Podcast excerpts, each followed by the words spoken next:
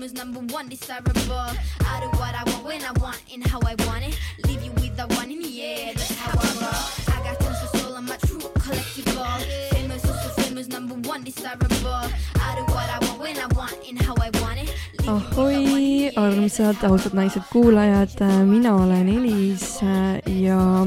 mõnus suvepäev on käes ja mina jõudsin äh, kiiruga Tartust Tallinnasse, et salvestada üks äh, vinge saade ja teate, see oli nii napp jälle, et äh, see saade nagu, kas me saame selle tehtud või ei saa, sest et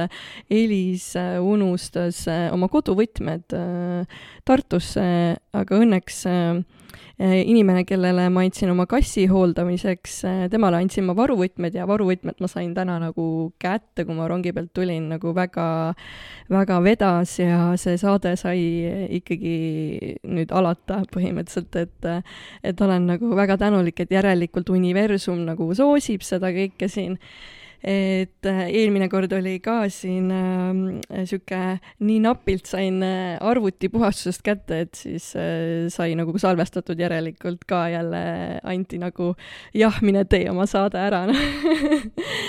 aga jaa, ma võtsin, võtan nüüd äh, suvest äh, viimast ja ja, ja kuna on pikad nii-öelda koolipäevad ka tulemas, siis äh, tänaseks külaliseks on ka äh, selle, selle kooliga seotud äh, inimene, kes on minu terapeut olnud juba päris mõnda aega, oleme töötanud äh, äh kuus kuud ja ta on aidanud mind väga palju edasi ja, ja andnud selliseid ahaa-momente. tere, Kaarin Tammer! tere! Ja tegelikult äh, ma annangi võib-olla sulle sellise enda tutvustuse, et kes on Kaarin Tammer? no kõigepealt ma siis tänan saatust äh, selle eest, et me oleme jõudnud salvestuseni. kes on Kaarin Tammer mm? -hmm. ma võin rääkida seda, mida ma siis hetkel tunnen enda kohta, et äh, olen jõudnud äratundmiseni, et ma olen naine, see on võtnud aega ja olen nii-öelda elanud eelnevat elu, kus ma ei ole üldse olnud niivõrd psühholoogiline ja terapeutiline, võib-olla küll psühholoogiline, et selline hästi analüüsiv olemus on mul olnud lapsest saadik, aga ma õppisin alguses kommunikatsiooni ja töötasin ka selles vallas, olin isegi kirglikult töötasin selles vallas. Ja nüüd äh, jõudes siia ja sinuni, äh, siis äh, nii viis aastat kindlasti olen töötanud inimestega üks-ühele äh,, ka gruppidega, ja selline circa seitse aastat äh, olen siis äh, kõvasti ka õppinud kõikvõimalikku, mida saab äh, õppida psühholoogia kohta, eriti ka siis just psühoteraapiate tehnikaid ja leidnud enda jaoks ennast ära ja pühendumas siis keha psühhoteraapiale aga sa oled ka turundust õppinud, et miks üks hetk siis otsustasid, et äh, nüüd võiks nagu terapeudi ameti kasuks nagu pöörata? siin ongi see parandus, et ma õppisin kommunikatsioonijuhtimist ah, okay. ja, ja see tegelikult jaa, pannakse patta nagu turundusega, aga te, seal on see erinevus, ma olen ka turundusjuhina töötanud aga kindlasti ähm, on paraku minuga olnud selline sa-, saaga, et raha ei ole mind motiveerinud või selline müügitöö ei ole noh, mitte iial mind suutnud ära rääkida, kuigi äh, noh, põnev on muidugi igasuguseid strateegiaid alati luua ja vaadata, kas nad peavad vett ja kuidas see kõik minema hakkab, aga ähm, mina siis jah, kommunikatsioon mulle pakkus huvi ja selles kommunikatsioonis on just täpselt ka see, mis täna tegelikult ka psühholoogias jätkub, selline inimese suhestus maailmaga, suhestus iseendaga ja oskus võib-olla ennast väljendada, see välja tuua ja vaadata, kas mingi tagasiside sellele järgneb siis ka nagu maailma poolt. et see huvi tegelikult täna ma näen, kuidas nad sobituvad ja ma tunnen, et kuidas ma olengi siis liikunud selliselt võib-olla abstraktsemalt ja kommunikatsioonilt siis väga selliseks äh, omapärase individuatsiooni kommunikatsiooni vormi, et ma väga soovin, et äh, iga isiksus siis tunneb ennast ära iseendana ja oskab seda kommunikeerida, et minu meelest niimoodi oleks maailm kohe parem koht. aga ma sain ennast ka realiseerida kommunikatsioonis, just mul oli millegipärast tohutu kirg poliitikas ja, või aru saada, et mis seal siis nagu toimub ja seal ma sain seda tööd ka teha ja ka üks hetk tuligi see piir ette, kus ma sain aru, et maailma ei saa niimoodi massidena kuidagi päästa või, või siis ei ole minul seda võimekust, küll aga ma leian, et niimoodi üks, ühekaupa on võib-olla võimalus sul kas või see üks inimene natukene paremasse elukvaliteeti, näidata talle lihtsalt seda, et see on seal. Ja kui ta siis ise nagu teeb need sammud sinna, siis see on lihtsalt imeliselt ilus vinge. Äh, sa mainisid, et, et sa olid väiksena selline analüütiline laps, et äh, võib-olla kirjelda ennast, milline sa nagu väiksena olid? milline laps? No see on äh, kahtlemata väga raske küsimus, et meil on ema, emaga oleme vaielnud sel teemal ja ilmselt need vaidlused ka nagu jäävad, et ja, ja teinekord ennastki nagu huvitab, et milline ma siis olin, et ma arvan, et ma olin mitmekülgne ja rõõmus aga minul oli kahtlemata see melanhoolne analüütiline pool ka, mis võib-olla oligi nii, et, et, et seda ei märgatud või, või, või kes siis seda märkas. Et kui rääkida on üldse vaimse tervise puhul alati ju see, et noh, et mis see kasvukeskkond on, eks ole, et siis noh, ma, ma ei saa öelda, et ma kuskilt paradiisist nagu tulen, et oli väga palju tegelikult nagu kannatust, mis oli seotud äh, väga eluliste, isegi nagu fataalsete hetkedega, mis hakkasid toimuma juba enne minu sündi. Ja sellisesse nii-öelda sellisesse set-up'i või, või keskkonda ma siis ühtäkki ilmusin aga seal oli ka väga palju sellist, ähm, mis mind toidab tänaseni, need mõtted ja, ja see koht ise, see maja äh, ja meil oli väga palju rahvast seal ühes majas, kes olid kõik juhtumisi ka sugulased. et sellised teatavas mõttes nagu niisugune Itaalia perekond või mul on ka nagu seda vene, vene juurt, et minu vanaema ikka oli selline karakteriga naine, kes, kes viskas taldriku mu suunas, kui oli vaja. Või ja, ja mul meeldis nagu see, et et oli palju rahvast ja oli neid asendusfiguure, et paraku minu enda päris isa minuga ei kasvanud ja kui mu olin nelja-aastane, siis mu ema leidis, sai tuttavaks kasuisaga. Ja siis ühel hetkel varsti juba ilmus ka see müstiline mees meie majja, kes tõi hoopis teistsuguseid dimensioone äh, ehk et kuidagi väga rikas ja seda oli nagu väga palju ja võib-olla oligi keeruline nagu meid kõiki seal märgata, et ma kasvasin täditütardega, oli väike vahe, meid oli kokku kolm, mina olin kõige vanem ja, aga nemad on mulle nagu õed, et äh, noh, et jällegi see õnnistus, et, et mul ei olnud enda, enda võib-olla lähedast õde, aga, aga olid siis nemad. ja sellised äh, lähedus, lähedased suhted tegelikult meil ikkagi olid. Äh, sa ütlesid, et sa elasid suures majas, kus see asus siis? Äh, Tallinnas, äh, täna on ta, ta oli ka siis Järve nime all, aga lihtsalt siis see oli, mets oli väga lähedal, nüüd on see Pärnu maantee lükatud nii laiaks ja suureks, et et ei saagi aru, kui imeline koht seal on, aga seal on niisugune väike eramajade tänav. Ja ja seal oli jah, mu lapsepõlvemaja, kuniks ma läksin ülikooli Tartusse siis ja seal oli juba siis põlvesid ka enne mind, et ka minu ema on sündinud sinna majja, et see niisugune tõesti nagu kaasa mm,. lahe. aga millised äh, on võib-olla sinu unistused või olid siis, kui sa olid noorem, kas need on tänaseks täitunud või on täitumas minu unistused noorena no no võib-olla üks väga spetsial unistus on just alles siin nagu kuidagi tulnud äh, ukse ette, uks on nagu lahti tehtud ja ja aga ma unistasin võib-olla tõesti palju ja mõtisklesin armastusest ja suhetest, et seega mind ei üllata, et, et ma olen jõudnud nagu sellise psühholoogia ja psühhoterapeudi kohani, kuigi see tee ei ole üldse tulnud absoluutselt sirgjooneliselt. ja mm, ma olin pigem selline kuidagi, et võtsin midagi pähe, siis selles suunas liikusin, niimoodi ma alustasin kunagi ja niimoodi mind ka lapsena nähti, et, et, et see mingi selline tugevus või mis see ema sõna siinkohal oli, just see selline äh, sihikindlus, seda nagu märgatakse aga inimesed ei tea, kui, kui spiraalne see teinekord minu enda sees on, et, et see, ma ei, ma ei, absoluutselt ennast ise ei koge nagu sihikindlana sellisel moel,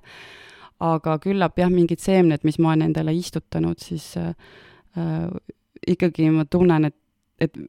mulle tundub, et elu on pikk, aga kunagi ma alati neid vilju tahaks nagu maitsta. aga minu kõige suurem unistus oli tegelikult õppida filosoofiat ja vot selle koha peal ma hoopis leian selle psühholoogia, et see psühholoogia pakub nagu seda, mida ma tegelikult tahtsin otsida filosoofias. ja kummalisel kombel väga paradoksaalne oli see lugu, kui, et ma ei läinud äh, filosoofiat õppima ülikooli, kuigi see oli minu nagu noh, totaalne number üks ambitsioon. Äh, jah see on huvitav jah, et äh, teised inimesed panevad meis tähele mingeid siukseid asju, mida me iseendas üldse ei koge, et mul on ka väga palju igast asju öeldud ja siis mul on nagu, et mm, I don't think so et nagu ma ei tea, aga jaa mm,, mm, elu on ju meil ka nautimiseks ja ja kuidas sina võib-olla siis enda nauding, naudinguvõimet suurendad või mida sa eriliselt naudid elus praegu? oh selline mm, kevade lõpp ja suve algus ja selline noh, ma naudin tohutult loodust äh, ka ja, ja see ei pea selle jaoks üldse hakkama suvi, et ma tõesti naudin igat aastaaega Eestis. mulle väga meeldib meri, väga äh, huvitaval kombel see merearmastus või, või merevajadus või see avanes siin alles viimase kuu aja jooksul niimoodi, et ma olen saanud äh, käia äh, ja olla merel nagu rohkem, kui ma oleks iial osanud isegi unistada ähm,. aga on olnud üks teine teekond, äh, mis puudutab nagu esteetikat äh, ja ma naudin ilu ähm, või tegelikult ma olen selle üle pidanud nagu palju mõtisklema, ma olen palju endas seda hukka mõistnud äh, aga ma, eh, ma, ja ma olen kuidagi mõtestanud selle enda jaoks tänaseks nii, et, et ilu ju tähendab kuldlõiget. ja ma kuidagi tajun ilu kehaga ja see ei pea, noh, see, see tihti tähendab lihtsalt sellist harmoonilise nagu harmoonilise oleku tajumist ja see pakub mulle tohutut nagu naudingut, see võib olla, ta võib olla maalivormis, ta võib olla tegelikult äh, noh, igasuguses visuaalses vormis, aga ma kogen seda ka audios, nagu et muusika on noh, olnud tegelikult minu saatja ka väga varasest lapsepõlvest, et igasuguste pillide harjutamine või, või mingisugune muusikapala, mis lihtsalt noh, röövib sult mõistuse ja südame nagu, et, et leiad selle, ennast selles ja tahakski nagu jääda sinna luupi või kuidagi neid hetki on aga, aga ilu kogemine ka inimestes ja jällegi mitte nagu sellises esteetilises, eriti kohutavalt veel mingi kirurg plastilises esteetilises vormis, vaid vastupidi, et et see kehapsühhoteraapia veel eriti on ka toonud just selle juurde, et sa saad kogeda seda teist äh, sa koged, paned isegi need silmad kinni, aga seda, kuidas ta räägib, see, kuidas ta nagu on, seda energiat, mis temas nagu voolab, seda olemust äh,, ja, ja sa lihtsalt äh, läbi selle võid leida igas inimeses neid harmoonilisi hetki ja see pakub mulle hästi palju, et sellepärast ma kuidagi, see inimestega töö iseenesest äh, on, äh, on ka nagu nauditav, lihtsalt ta annab, annab sulle nii palju tagasi. jaa, tõesti, ma näen ise ka, et kui ma olen nagu noh, inimestega töötanud, siis kui palju see nagu mulle ka nagu mind toidab või nagu, ta annab mingisuguse tunde, mida sa mujalt nagu ei saa. ja, ja kindlasti noh, selleks ma kehapsühhoteraapiat ka õppima tulin ja, ja sellest me kindlasti räägime, aga sa õpetad ka lastele mindfulnessi, et miks sa teed seda, kas, miks sa pead seda vajalikuks? see on ka jällegi väga huvitav asi, et äh, mul ei ole olnud sellist tõmmet niimoodi laste suunas või ka enda selline võib-olla see emalik instinkt nagu ei äh, ole tärganud või noh, ma olen märganud, et osades naistes on see nagu tugevalt esil, et äh, aga see, see on kuidagi spontaanselt ja õigesti sündinud ja teisest küljest mulle väga meeldib lastega suhelda, et see nende vahetus, nende olemus, see mul läheb alati korda, ma alati kuidagi märkan lapsi ja ja, ja mulle tundub, et et kui me tahame inimkonnana nagu areneda, siis lapsed on nagu see, kuhu see tähelepanu suunata. et meie oleme juba kusagil, me oleme juba midagi, seda on hästi raske isegi muuta, et ja seda ma hakkasin märkama just nimelt ka inimestega töös, et et et äh, me oleme juba tehtud materjal teatavas mõtmes, et, et see struktuur seal all on, eks ole, ja kui raske tegelikult on võib-olla mingist sõltuvusest välja tulla, ennast muuta, võib-olla mingit väikest unistustki teinekord nagu teoks teha, et sellest räägitakse vähe, kui raske see võib tegelikult olla, eks ole. aga lapsed, äh, noh, erinevast vanusest ka veel, et, et see, seal on seda voolavust ja seda materjali plastilisust ja seda potentsiaali, et ta ei saaks rikutud ja lõhutud äh, selle äh, karmi, võib-olla kastilise elu poolt kohe, et äh, et see, see on see, kuidas ma, see ei olnud nagu algne põhjus, aga nüüd ma olen selle niimoodi avastanud katseid eksitusmeetodil. koolis lihtsalt pakuti ka seda laste mindfulnessi õpet, meil oli väga tore õpetaja Nimrod Sheiman, kes siis on Äh, selles vallas professor ja, ja terve elu siis viinud mindfulnessi koolidesse, pannud selle õppekavadesse sisse. Ja, ja tal on ka teaduslikult äh, palju materjali, mis siis tõestab, et mis, mis see annab nagu juurde, kaasa arvatud selle, et õpitulemused äh, ühe aastaga siis väga paranevad, kogu kooli kvaliteet saab mindfulnessi kaasamisel palju-palju parem. aga see selleks minu jaoks oli just tähtis see arusaamine, et et see on võib-olla see koht, kus ma saan anda seda, et nendest lastest, kes ähm, käivad, proovivad, tunnetavad, väljendavad ja, ja teevad kaasa neid selliseid mindfulnessi tehnikaid, mulle meeldib öelda meeletäius selle juurde, õpivad rahunema, õpivad oma emotsioone reguleerima õpivad iseendaga suhestuma nagu üksi olles, iseenda otsas nii-öelda istudes, mis neile isegi võib igav tunduda ju alguses. Et, et äkki nendel ei olegi vaja ühel hetkel hiljem jõuda teraapiasse või küsida enda käest selliseid justkui triviaalseid küsimusi, et kes ma olen, miks ma olen, mille pärast ma olen, ja kõige rohkem, mis mul alati nagu sellist suurt meelehärmi valmistab, on see, et kui inimene ja seda on, ma kohtan hästi palju, kui inimene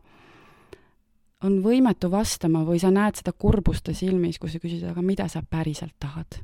praegu? Ja, ja kui pikk töö võib olla see nagu juba täiskasvanud inimesega, et ta jõuaks sinna, et ta lubab öelda, et ta lubab tunda, et ta on kontaktis sellega, mida ta päriselt tahab.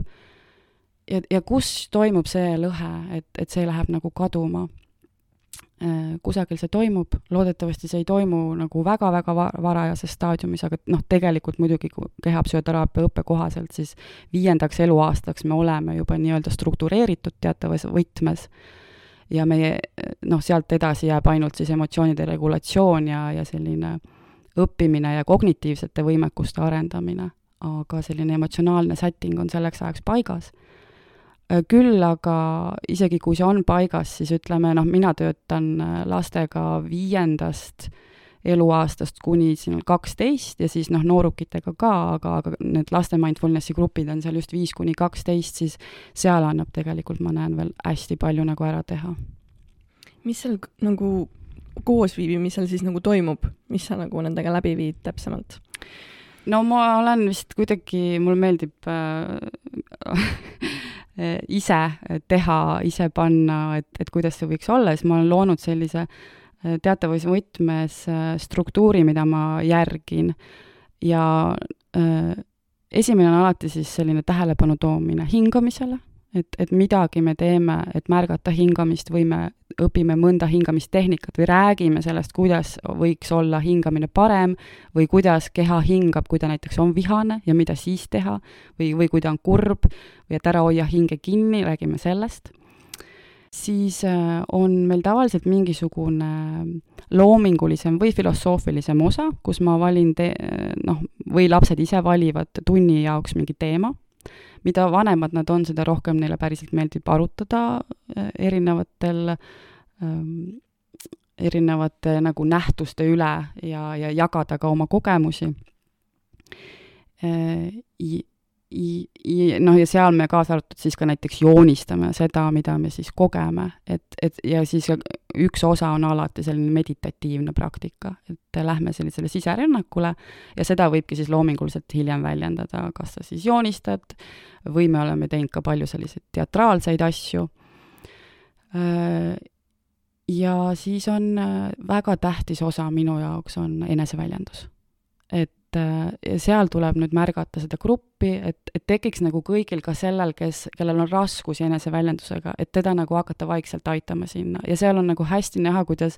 kuidas see grupp ühel hetkel hakkab üksteist hoidma ja toetama, ehk et need, kes on võib-olla eneseväljenduses tugevamad, nad toovad kaasa need, kes teised siis ka, kes, kellel ei ole nii, aga sa oled nagu märganud, eh, mis on võib-olla niisugused nagu peamised põhjused, miks on nagu lapsesse eneseväljendus väljendus nagu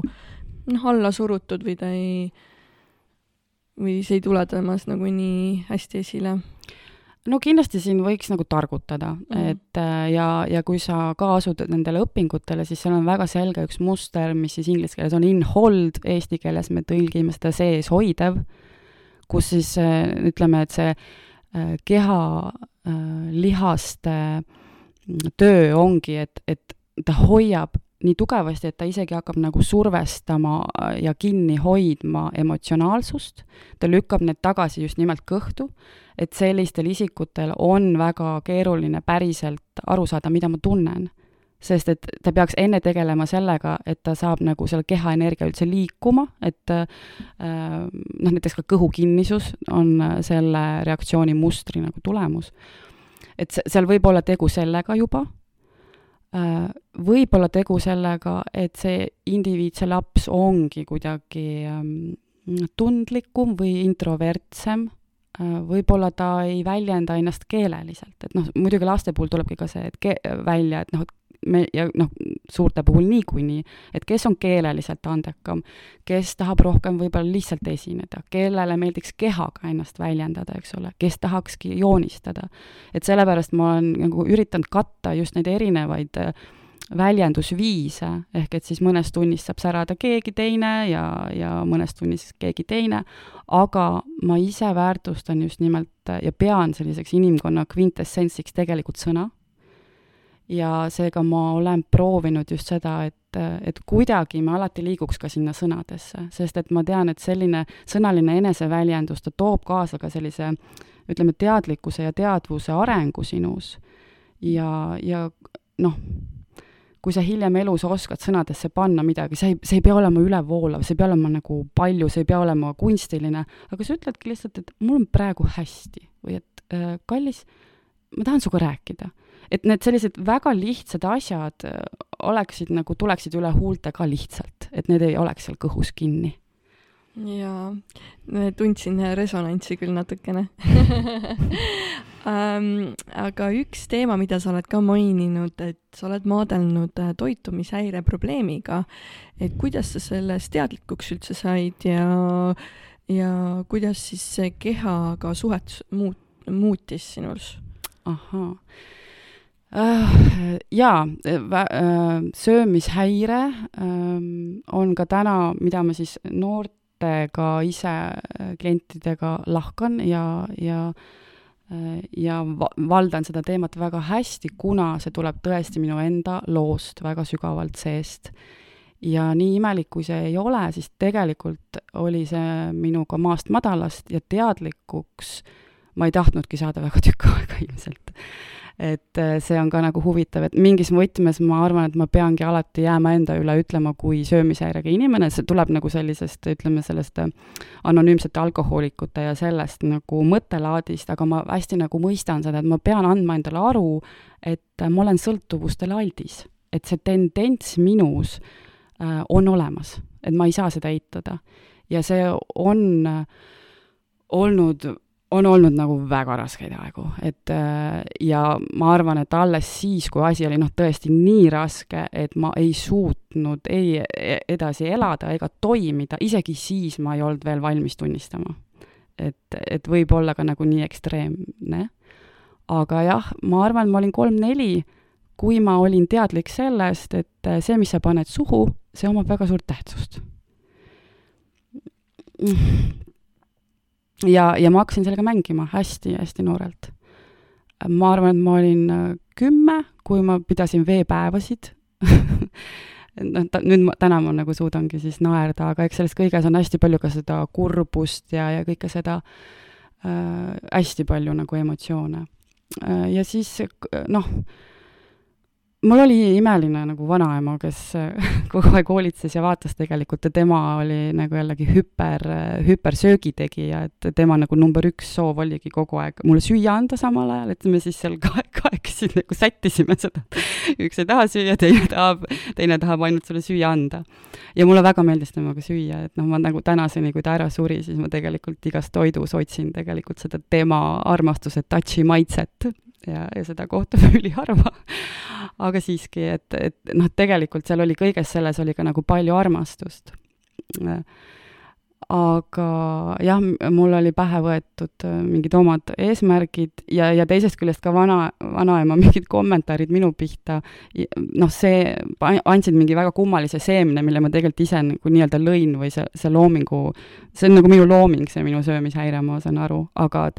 tegelikkuses jällegi sealt välja tulemine on olnud väga keeruline, seda on olnud rohkem kui üks kord äh, ja kahjuks siis, kui ma noh, lõpuks olin täiesti sunnitud abi otsima, sest ma sain aru, et see oli kestnud juba nagu aastaid ja asi võib minna ainult nagu hullemaks, isegi kui ta vahepeal juba leebub. see oli alates siis kümneaastasest alates? ei nagu..., ei, siis ma ei olnud veel puliimiline, et lõpu, kui ma pääsesin nii-öelda sealt äh, vanaema käpa alt ülikooli õppima ja omal käel elama, siis oli minu jaoks juhuu, pidu nagu, et no nüüd enam ta nagu ei tee mulle neid kotlette ette ja taha, et et nüüd ma võin siis täiel käel nälga jälgida, äh, siis, ähm, siis oli see alguses, oligi, mulle väga meeldis, et see iseseisev elu ja, ja sööngi nii vähe kui võimalik ja ja, ja sinna juurde noh, ka kogu see trennitrall ja, ja siis see alles nagu kulmineerus mingi hetk nagu totaalse buliimiaga ja sellise noh, ikkagi väga, ütleme, tugeva koelisega, et kui ma täna ka töötan söömishäiretega klientidega, siis noh, me saame seal rääkida mingitest nii-öelda astmetest või sügavustest, et kui sees sa oled mingisuguse sõltuvuse, sõltuvuskäitumisega ja, ja kui palju see häirib su elu, et siis mina ikkagi ei olnud võimeline neljandal aastal ülikooli lõpetama just nimelt ja ainult nagu tegelikult siis buliimia tõttu. et ma ikkagi noh, olin minestamas seal vetsupoti kõrval ja aga siis ma ei olnud veel valmis tunnistama ega abi otsima, et, ähm, et jätkasin oma elu, kuniks ma siis, ja vot siis seal noh, kakskümmend kaks kuni noh, nõks enne, nõks pärast, siis ma hakkasin nagu vaatama, et kas üldse oleks mingit abi. Ja ma ei osanud ka võib-olla nagu väga otsida, et noh, lõpuks, lõpuks olin äh, Tallinna Seevaldis kurtmas seda ja ma teadsin, et mu kõige suurem hirm oli see, et keegi jumala eest teada ei saaks, eriti nagu ema. ja aga noh, seal ei osatud ka aidata nagu sellel aastal, noh, taheti sulle antidepressante anda, no noh, ma võtsin neid, siis ma hakkasin nagu lihtsalt kõkutades naerma nagu selle ajukeemia tulemusena. et äh, ainuke võimalus oli ise omal käel kuidagi välja nendest asjadest tulla ja seda ma olen siis jah, äh, seda ma saan täna nagu anda nendele noortele edasi ja seda mulle nagu noh, meeldib näha, et, et see on tõesti mingi koht, et sellest august ma, ma saan ulatada selle käe ja öelda, et, et siit saab välja. aga noh, teades ise ka, kui hull seal augus on, sest ega ma, ma mingil hetkedel ma arvasin, et sealt ei saagi enam välja kas sa nüüd, nüüd nagu näed seda kohta, et miks see minuga nagu juhtus või tavaliselt nagu ma olen lugenud mingeid raamatuid, kus räägitaksegi, et, et naistel on see seetõttu, et turvatunnet ei ole, ma ei tea, isa ei ole pakkunud midagi või noh, mis sinu nagu selline niisugune mõttekäik seal on, et miks see sinuga nagu juhtuma pidi või? jaa, noh, mul on kindlasti palju vastuseid ja see turvatunne on kahtlemata tegur äh,. Äh, äh, jah, millegipärast on, ma ei tea, kus see, seda müüti nagu on ka, et, et isa, isa puudumine tüdrukutel just on nagu selle söömisega seotud ja ka minu loos on tegelikult äh, täielik isa puudumine. Äh, või noh, selles mõttes ka nagu see tohutu igatsus äh, selle oma isa järele, mis oli üleval kogu aeg. aga kogu see setup, et, et ja ma pigem näen just ema suhet, sest ema on see esimene toitja. ja, ja selle suhte nagu mm, selle sümbiootilise faasi, kus see beebi sünnib ja, ja saab rinda, et, et, et seal raamis toimuvate valude ja puudujääkide äh, arusaamatu lahendus. ja, ja noh, kahtlemata oli see tegelikult äh, selline identiteedikriis, kus äh, kus seesmist väärtust ma iseendal ei näinud, et ja, ja no mul oli nagu lapsepõlvest just, nähti, et ma olen sihikindel, siis tegelikult ma olin nagu oht teistele lastele justkui või ka vanematele, et see sihikindlus oli nagu oht ja ma sain väga palju sellist silti külge, et vähemalt mulle endale tundus, et ma olen noh, see halb laps. see, kes äh, noh, ei kuula sõna ja ma, noh, ma tõesti ei kuulanud sõna nagu, et äh, et äh, aga, aga noh, ei osatud sellel ajal nagu aru saada, et see ei ole mitte tugevus, vaid vastupidi, see oli tegelikult minu nagu väga tohutu nagu selline abitus mm. -hmm jaa, ma tahtsin midagi öelda siit ka äh,, praegu läks see mõte ära, aga võib-olla liigume siis üldse, ma teen ennast nüüd äh, hästi lolliks, et ma ei ole üldse, ma ei tea mitte midagi kehapsühhoteraapiast, et mis see kehapsühhoteraapia on üldse, et äh, äkki natuke avad? ohoo äh,, siit hopsti siis kehapsühhoteraapiasse, nii. kehapsühhoteraapia on siis selline äh, teraapiavorm, kus kaasatakse äh, sellisesse psühhoanalüütilisse töösse äh, kogu keha. ja keha kogemised, kehatajud ja tehakse ka teinekord aktiveerivaid liigutusi või luuakse selliseid äh, äh, olukordi, siis lavastuslikke isegi, kus sa saad hakata märkama ennast nagu väga reaalselt siin ja praegu selles olukorras ja, ja siis tuuakse kogu aeg fookusesse tagasi jälle keha, keha, keha, et sa oled siin kehastunud selles kehas, järelikult äh, see on ainukene viis, läbi mille sa tajud äh, seda maailma, sest et äh, noh, psühhoanalüüsis ja, ja sellises jutustavates teraapiates on võimalik minna väga kaugele, väga nagu laiali ja, ja, ja see võtab nagu palju aega, siis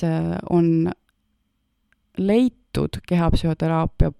nagu suuna inimeste poolt just, et et kui me võtaksime nagu referentspunktiks siis selle oma keha, et see ja tuua tähelepanu sinna, kuidas ma praegu kogen, kus kohas ma kehas seda kogen ja kuidas, eks ole, siis sealt on see hakanud nagu pihta. tänaseks on muidugi kogu kehapsühhoteraapia äh, ja ma rõhutan, rõhutan või noh, mitte ei rõhuta, aga tahan välja tuua, et see on siis ikkagi teaduslikult äh, igatepidi uuritud valdkond, et me ei räägi mingisugusest äh, spirituaalsetest äh, keha kogemise praktikatest, vaid väga mõõdetavatest bioenergia voolamistest kehas, mida, ja ka lihastes, eks ole, mida tahabki tänase tehnoloogia abil väga edukalt mõõta, siis täna on see kõik liikunudki äh, ajuuuringute valdkonda. et selliseid äh, praktikaid ja asju, mida siis seal kunagi võib-olla viiekümnendatel, kuuekümnendatel, seitsmekümnendatel tehti, äh, täna me siis paneme klemmid sinna ajusse, mõõdame neid ajulaineid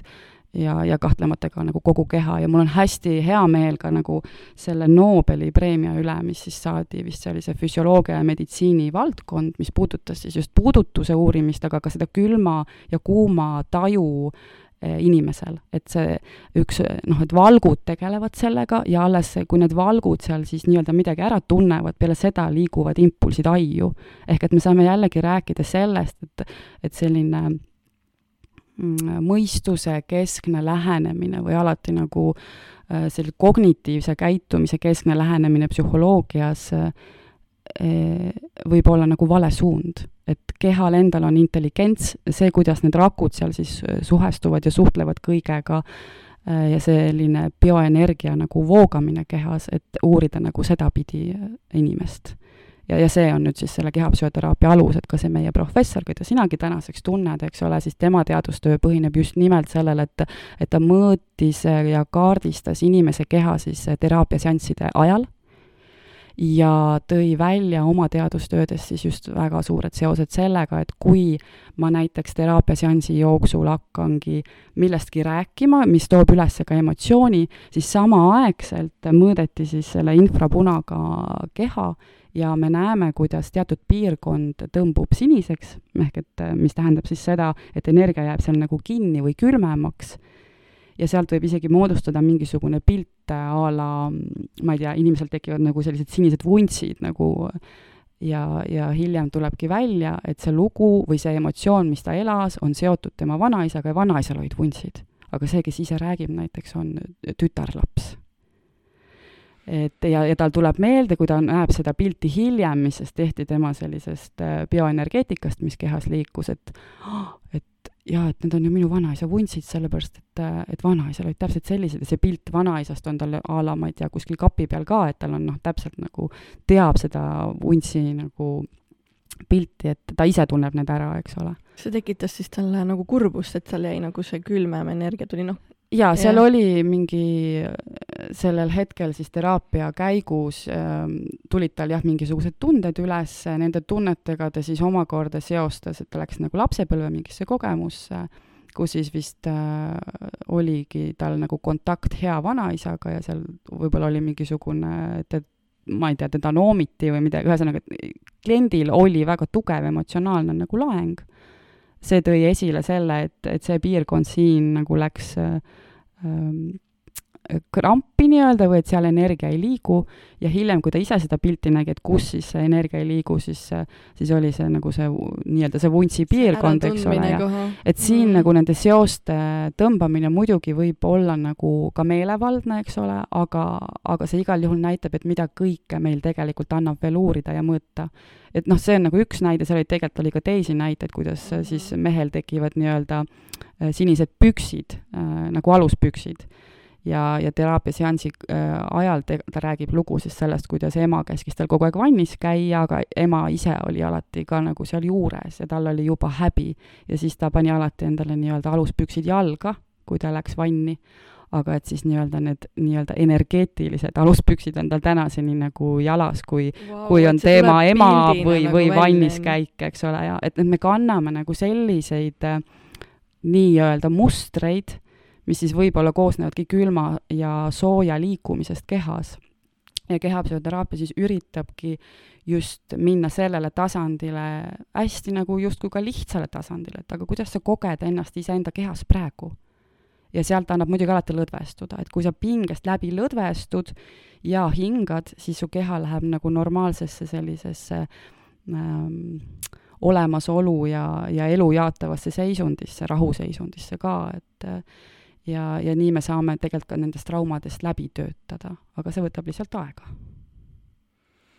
aga milline see seanss siis välja näeb, et kui ma tulen, on ju, et inimesi kindlasti huvitab, et mis seal siis nagu toimuma hakkab. et mulle nagu meeldis see lihtsalt sellepärast, et seal tõesti saab väga e palju erinevaid asju nagu läbi viia, et äh, saab nii meditatiivseid asju teha, saab konstellatsioonivõtteid teha saab olla mingis kehalises asendis, mis toob sul mingisuguse energia esile, et äh, võib-olla seleta natuke seda. Jah, olekski huvitav sinu käest nagu küsida, et sa oled nagu äh, väga selline nagu autentne klient, eks ole, et sa, see on siin olnud viimase,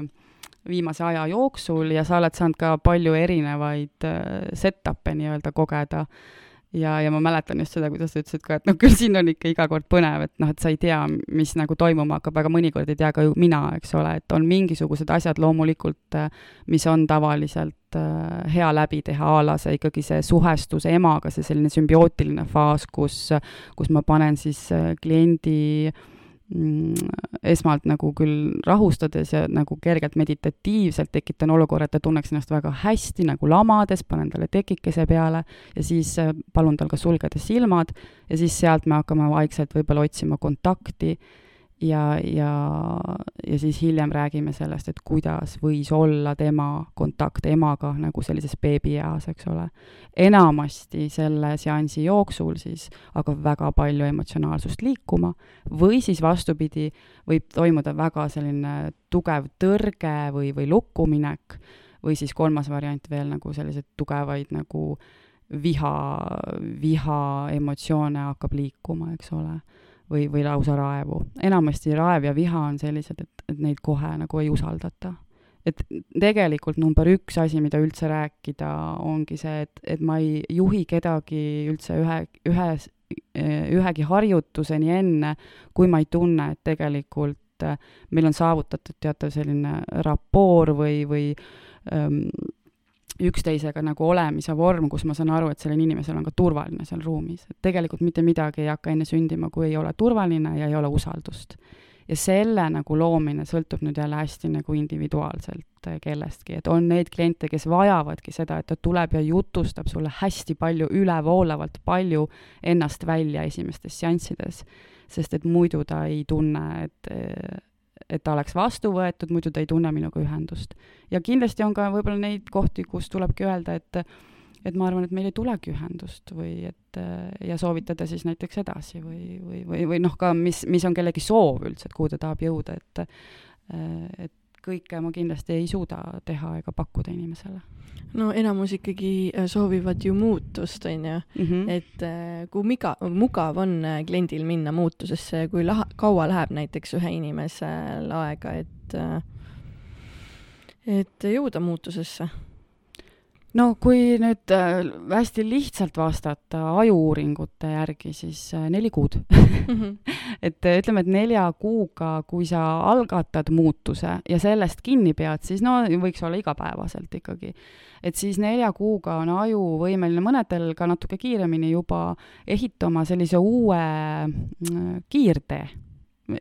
aga, aga võib-olla ka mitte kiirtee, võib-olla nagu aeglasema tee, ega igal juhul ta tekitab nagu sellise uue ühenduse koha, et inimesel tekib see võimekus ja oskus äh, teha teisiti, kui ta tegi enne. nüüd küsimus on see, et millal ta võtab selle otsuse vastu. et ta, et, et, et ta päriselt tahab seda, seda muutust ja tihtipeale nagu see muutus, mis ta võib-olla alguses soovib, et kas see on nüüd mingisugune asendus, nartsissistlik soov, mis inimeses on, või on see päris asi, mida ta soovib. et ma esimese asjana katsun nagu tuua seda erisust sinna sisse. et, et kui keegi ikkagi tuleb ja noh, noh, okei okay,, me ei pane võltsrindu seal, et seda, seda, seda ma ei teha ei, ei saa, aga kui see soov on midagi sellist nagu, et see peaks asendama tegelikult, et, et inimesel on all mingisugune tugev igatsus või tugevad tunded välja elamata või mingi tohutu puudujääk, siis tuleb vaadata enne sellele otsa, et see, kas see muutus üldse toob ta, tema ellu midagi nagu kasulikku või, või mina hakkan siis nüüd ka kuidagi aitama tal hoopis saavutada midagi, mis talle lõpuks palju suurema frustratsiooni nagu tekitab mm.. ma praegu hakkasin kusjuures mõtlema, et kui ma tulin esimest korda sinu juurde, et mis see minu esimene soov oli. aga ma nagu mäletan lihtsalt, et see oligi nagu seotud kehaga, kehapingetega ja mm, -hmm. ja sealt nagu kooruski kõik muu nagu välja, et ongi see, et võid sinna minna nagu ühe asjaga, aga seal võib nagu tulla nagu väga mitmeid asju välja, tegelikult noh, ma arvan, et päris mitmes teraapias või erinevates teraapiates võibki nii nagu olla, et aga seal nagu ongi see, et seal saab nagu hästi erinevaid võtteid kasutada ja hästi mitmekülgne teraapiavorm on see minu jaoks, mulle nagu vähemalt sobiv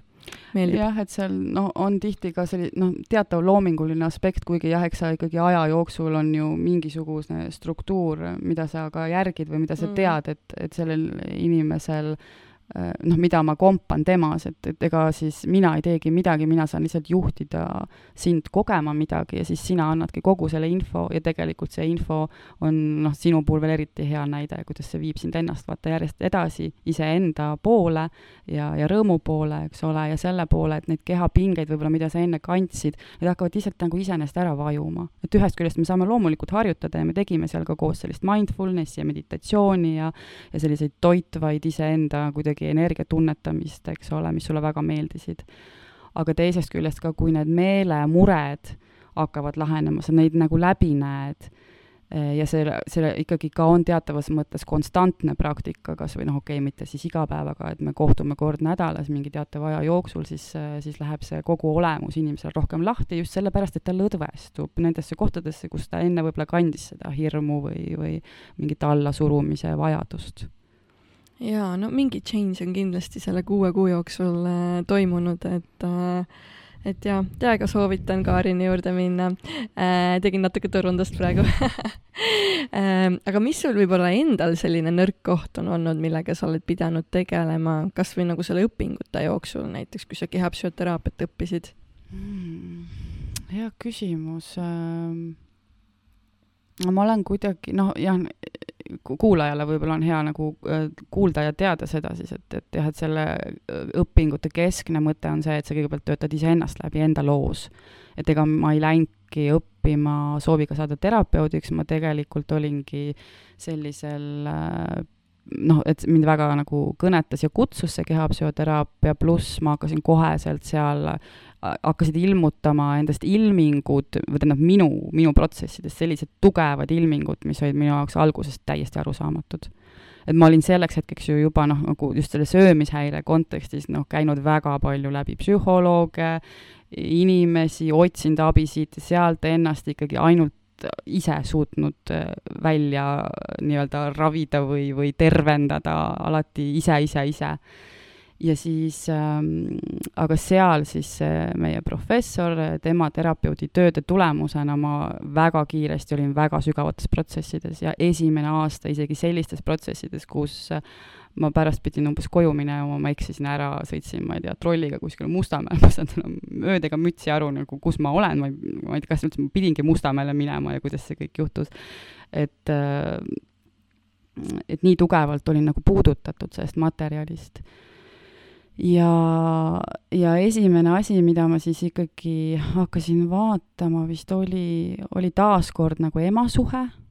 aga ma siis ühel hetkel kuidagi otsustasin lausa niimoodi, et, et ma siis pühendun sellele, et selle ühe aasta ma nüüd vaatangi ainult seda. ja ma arvan, et sellest, kusjuures üldse nagu, selle, selle professori puhul ka vaata see pühendumise sõna on oluline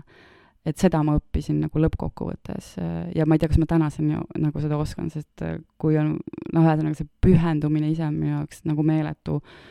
tähendusrikas, aga, aga midagi, mida me kõik vist väga soovime. Ja siis ma pühendusin sellele ema suhtele, mida ma tegelikult ei nagu noh, tundus, et seal on ka juba nii palju tehtud, sellest on nii palju räägitud, ema on mul ju nagu olemas, ta on väga armastav ja ilus inimene. Sellesama jutuga ma tulin sinu juurde ka, vaata, et kõik on tehtud, räägitud, aga siis ja, ikka tuli. Ja,. jah, jah ja aga just see pühendumise aspekt iseenesest, et ja, ja vaata, ma oligi, et mul oli, mul on ka nagu imeilus nagu tädi ja siis oli veel see vanaema, et noh, alati sai nagu laveerida, aga siis ühel hetkel ja, ja vanaema oli selleks hetkeks ka surnud. Äh, et see ka veel, et oligi nagu tekkinud väga selline, et noh, ema ongi nüüd see ema et mul vanaema oli muidu selline väga, kes äh, võib-olla oleks tahtnudki olla mu ema või kuidagi nagu selline hästi tugev, tugev, tugev side oli meil. Ja siis äh, me oleme emaga sellest ajast saadik nagu suhte rajanud kuidagi hoopis teise kohta, vähemalt no nii minu südames kui olemuses, kui see nagu, millise naisena ma teda nagu näen. Ja ka iseennast, ka seda, et kui sarnased me oleme ja ka seda, kui erinevad me oleme aga just nimelt see, et ma alati tõin selle aasta jooksul siis, et, et oli, noh, sest et isa teema on ka mul alati letis olnud, nagu alati, ja kõik alati, esimene terapeutide tavaline nägemus on just see, et noh, et see isa teema, isa teema, et seda on vaja nagu tegeleda. ja siis ma tulin alati nagu ema juurde tagasi ja, ja just siis ma vist õppisin selle ära, et aeg omab tähtsust pühendu, võta ja tee lõpuni nagu. ja muidugi selle aasta jooksul toimus väga kohutavaid asju ka seoses emaga või nagu selliseid noh, meeletuid protsesse uh,. aga, ja siis, ja siis hiljem nagu võitsin isa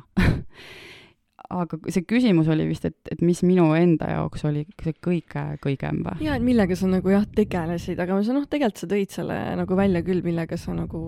pikalt ja pühendunult nagu tegelesid selle õpingute jooksul äh,. või, või jah, võib-olla jah, no lõppkokkuvõttes sealt märksõnana oli ikkagi abi küsimine üleüldse, et vaata, nagu ma ütlesingi, et ise, ise, mm. ise, siis mm -hmm. ja seda oli vaja väljast öelda, et sellest ma ei saanud aru, et see tuli nii äh, sellelt professorilt kui siis ka tegelikult äh, ma õppisin ka selles transpersonaalset psühholoogiat, sealt täpselt samamoodi väljastpoolt äh, siis äh, õpetaja ütles, et äh, aga kas sa abi küsid ja mulle tundus see nagu noh, isegi nagu mingi nonsense, kuni, kuni tänaseni ma saan aru, et, et seal on nagu see mingi huvitav tendents, et see ongi just ka see, et ei usalda, noh, e-, esiteks ka see, eks ole, ei näegi, et keegi saaks sind aidata või et ja see, kui sa siis lõpuks hakkad julgema seda teha või, või teinekord ka, kui sa ei julge, aga, aga saad aru, et tegelikult see on praegu see koht, kus ma jälle üksinda ei saa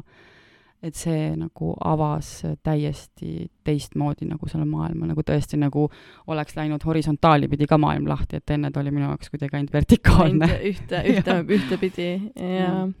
me räägime ka sellest, äh, seal hästi tihti see maandatuse ja toidatuse tunne, et kui oluline see inimesele on ja kuidas seda siis rohkem luua enda kehas. mida sina tavaliselt selleks teed? Ja läbiv, läbiv sõna kehapsühhoteraapias on siis tegelikult maandatus, sest see on kõige A ja O. kui sa ei ole maandatud, noh siis tegelikult ei saagi nagu tööd teha. ja, ja mulle hästi meeldib ka see selline nägemus, et et kui sa ei saa inimesele midagi muud pakkuda või kui, kui me on räägime teraapiaseansist, eks ole, siis vähemalt lase kliendil nagu lõpuks maanduda või, või kui, kui ta läheb sinu juurest minema, sinu ruumist, et ta oleks nagu maandatud. ja, ja tegelikult ongi nagu see on väga suur küsimus, väga suur nagu tehniline küsimus, et mida see siis tähendab no. ja ma just. mäletan seda enda esimest aastat, kus kus tõesti see küsimus oligi kohe letil seal oma nende kaasõpilastega ja, ja siis äh, ja ma, ja, ja siis mina lähenesin nagu kehatunde kaudu, et ma ütlesin, et mina ei tea ka, mis see on, aga ma saan aru, et et ma ei tea, minu jaoks see tähendab nagu kolm erinevat kohta, et et nagu füüsiliselt maandatud, et see on kuidagi seal jah, tõesti nagu puusades võib-olla ja, ja noh, sellest ka hästi palju räägitakse, et su jalad ongi reaalselt vastu maad. noh, tegelikult see tähendab ka seda, et su jalatallad on päriselt vastu maad ja sa, ja sa tunned, kuidas su jalatallad on vastu maad. kusjuures ma olen nüüd tähele pannud, äh, kui ma lähen, äh, kui ma toetun ainult ühe jalaga kuskil kui ja, on mingi no. teema üleval või noh, mingi asi, et ma panen nagu äh, ühe jala maha siis ta panen teise peale näiteks või midagi mhm, sellist mm, -hmm, vaata mm, -hmm ei taha nagu tä täiesti nagu olla maa peal. siis ma olen tähele lihtsalt seda. ja absoluutselt, sealt saab minna väga paljudesse nüanssidesse, et kui krampis on su jalatald, et kas,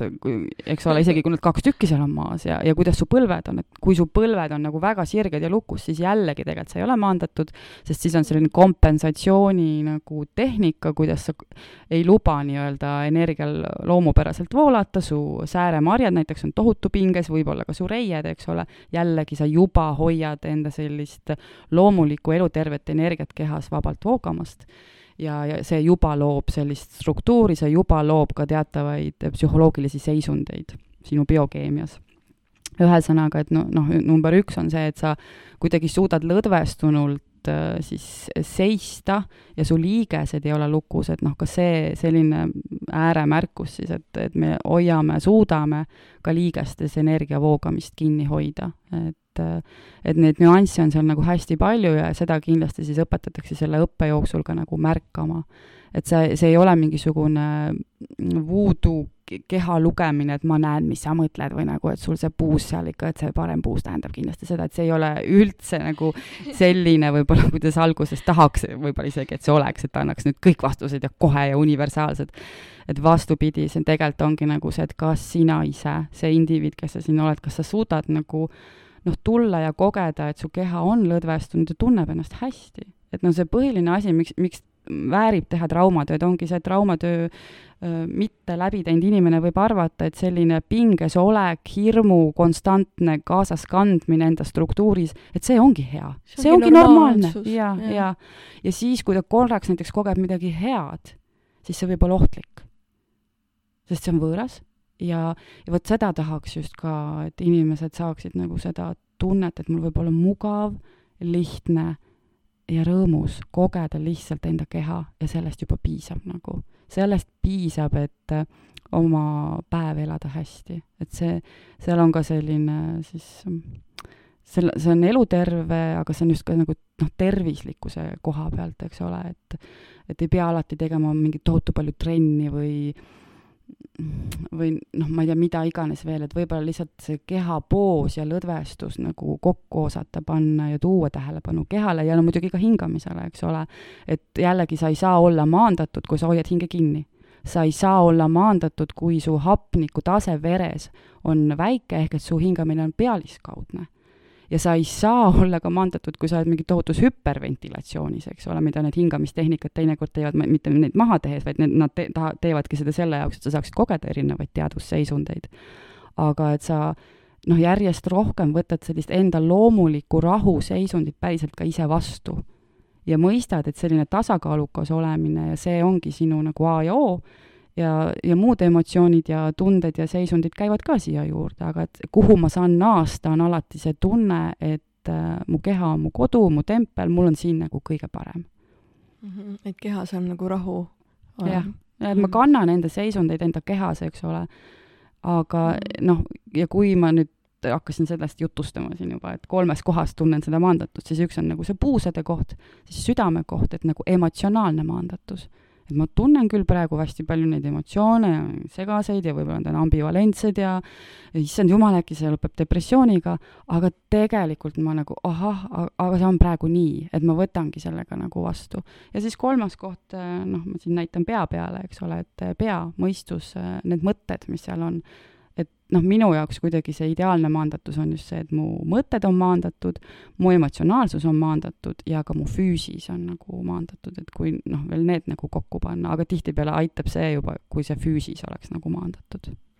no sa enne siin salvestust ka tegid mõned harjutused, nii et see on ka ilmselgelt äh, sinu nii-öelda sihuke väike maandatuse trikk, et ennast äh, ringutada ja teha mingeid joogaharjutusi tuua kohale ennast. ja see on nagu naljakas, et ja Äh, ma mäletan, kui vanasti, no ühesõnaga, et mi-, minuga seostatakse hästi palju joogat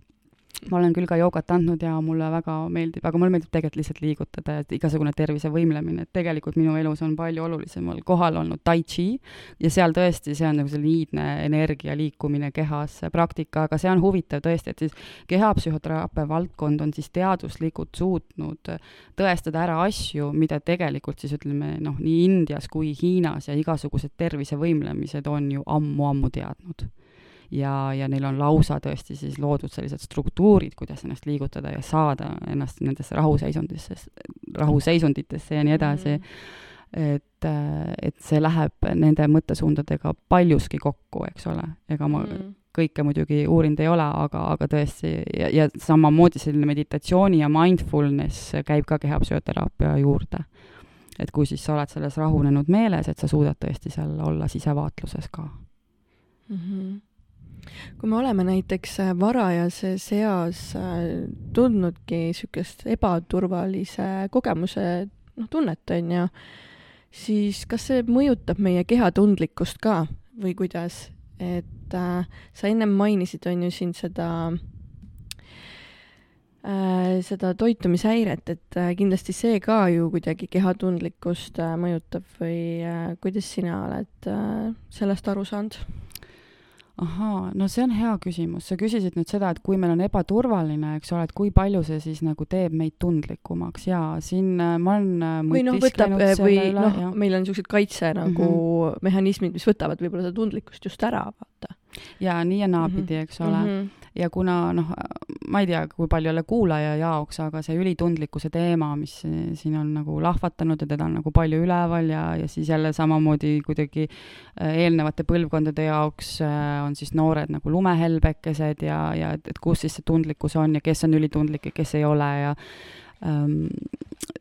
seal on kindlasti nagu seost ka sellega, et kui sa koged hirmu ja kannad hirmu, siis on nagu kaks varianti, et kas sa siis lõpuks oled täiesti nagu krampis, et tõesti mitte seda tunda ja kuidagi suuta see päev veeretada õhtusse, et sa pead ennast nii ära, ära tuimestama, või siis teine variant, et olles pidevas hirmus, on su närvisüsteem pidevas nagu ületöötamises, kus me Äh, me olemegi tundlikud sellepärast, et me oleme kogu aeg sellises värelevas tõesti tundlikkuses, kus oht justkui on lähedal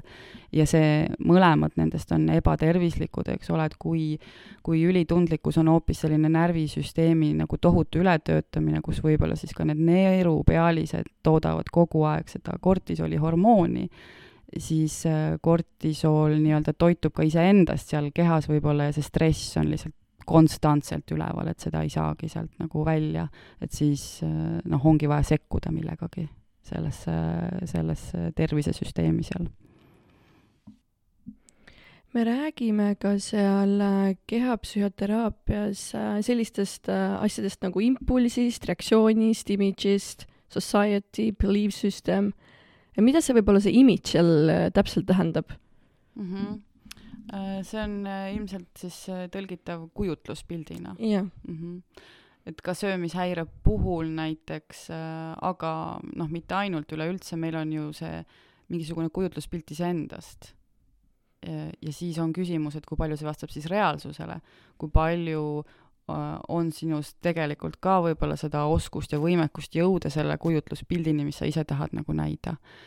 Ähm, kui palju see kujutluspilt on sinu endal loodud, kui või on see loodud su vanemate poolt või siis ühiskonna poolt, eks ole, et kõik nagu sellised küsimused, kaasa arvatud, et see ei, ei pruugi olla ainult sinu enda kohta, aga kujutluspilt sellest, millist perekonda sa soovid kujutluspilt, millist partnerlussuhet sa soovid, millist töösuhet sa soovid. et enne, kui need meil päriselt on, on meil juba mingid kujutluspildid. ja alati psühholoogias on see huvitav küsimus, et kust need siis tulevad, eks ole, et kust need kujutluspildid tulevad. See on teatav nagu loominguline alge, mis meis on, just nimelt need impulsid, need on need esma, esmaenergia liikumised kehas on impulsid, et ta hakkab kuskile poole minema, mingi energia on ja noh, tihti on ta tegelikult suunatud, aga me ei ole teadlikud, kuhu see energia on suunatud. siis mida see äh, selline kehapsühhoterapeutiline lähenemine üritab just tekitada, on see, et need, et sa oleksid rohkem teadlik oma impulssidest, selle jaoks sa toodki tähelepanu kehale, eks ole, võib-olla jälgid sellist kuuma ja külma liikumist, mida sa noh, muidu ei peaks tegema. Ja sinna tihti tekib ka siis mingisugune mõtestatus ikkagi taha või et, et kumb mulle meeldib või, või mis see tegelikult võiks tähendada. Äh,. aga ja si-, noh, et siis kas selle energia liikumise, mis minus on ja need impulsid, mis noh, tegelikult on siis antud nagu looduse poolt nii-öelda, et meie kehas kogu aeg energia liigub äh,, kas ma suudan selle rakendada väljapoole niimoodi, et siis jõuda selle kujutluspildini, mida ma soovin, noh näiteks. Ja teine asi, mis see, kuhu see kujutluspilt nagu jõuab, on siis see, et et meil on ka need kollektiivsed kujutluspildid. kollektiivne kujutluspilt just nimelt sellest, et millised on normaalsed inimesed, millised on siis, ma ei tea, õnnelikud inimesed, millised on äh, head paarisuhted, et need on tihti sellised kollektiivsed kujutelmad,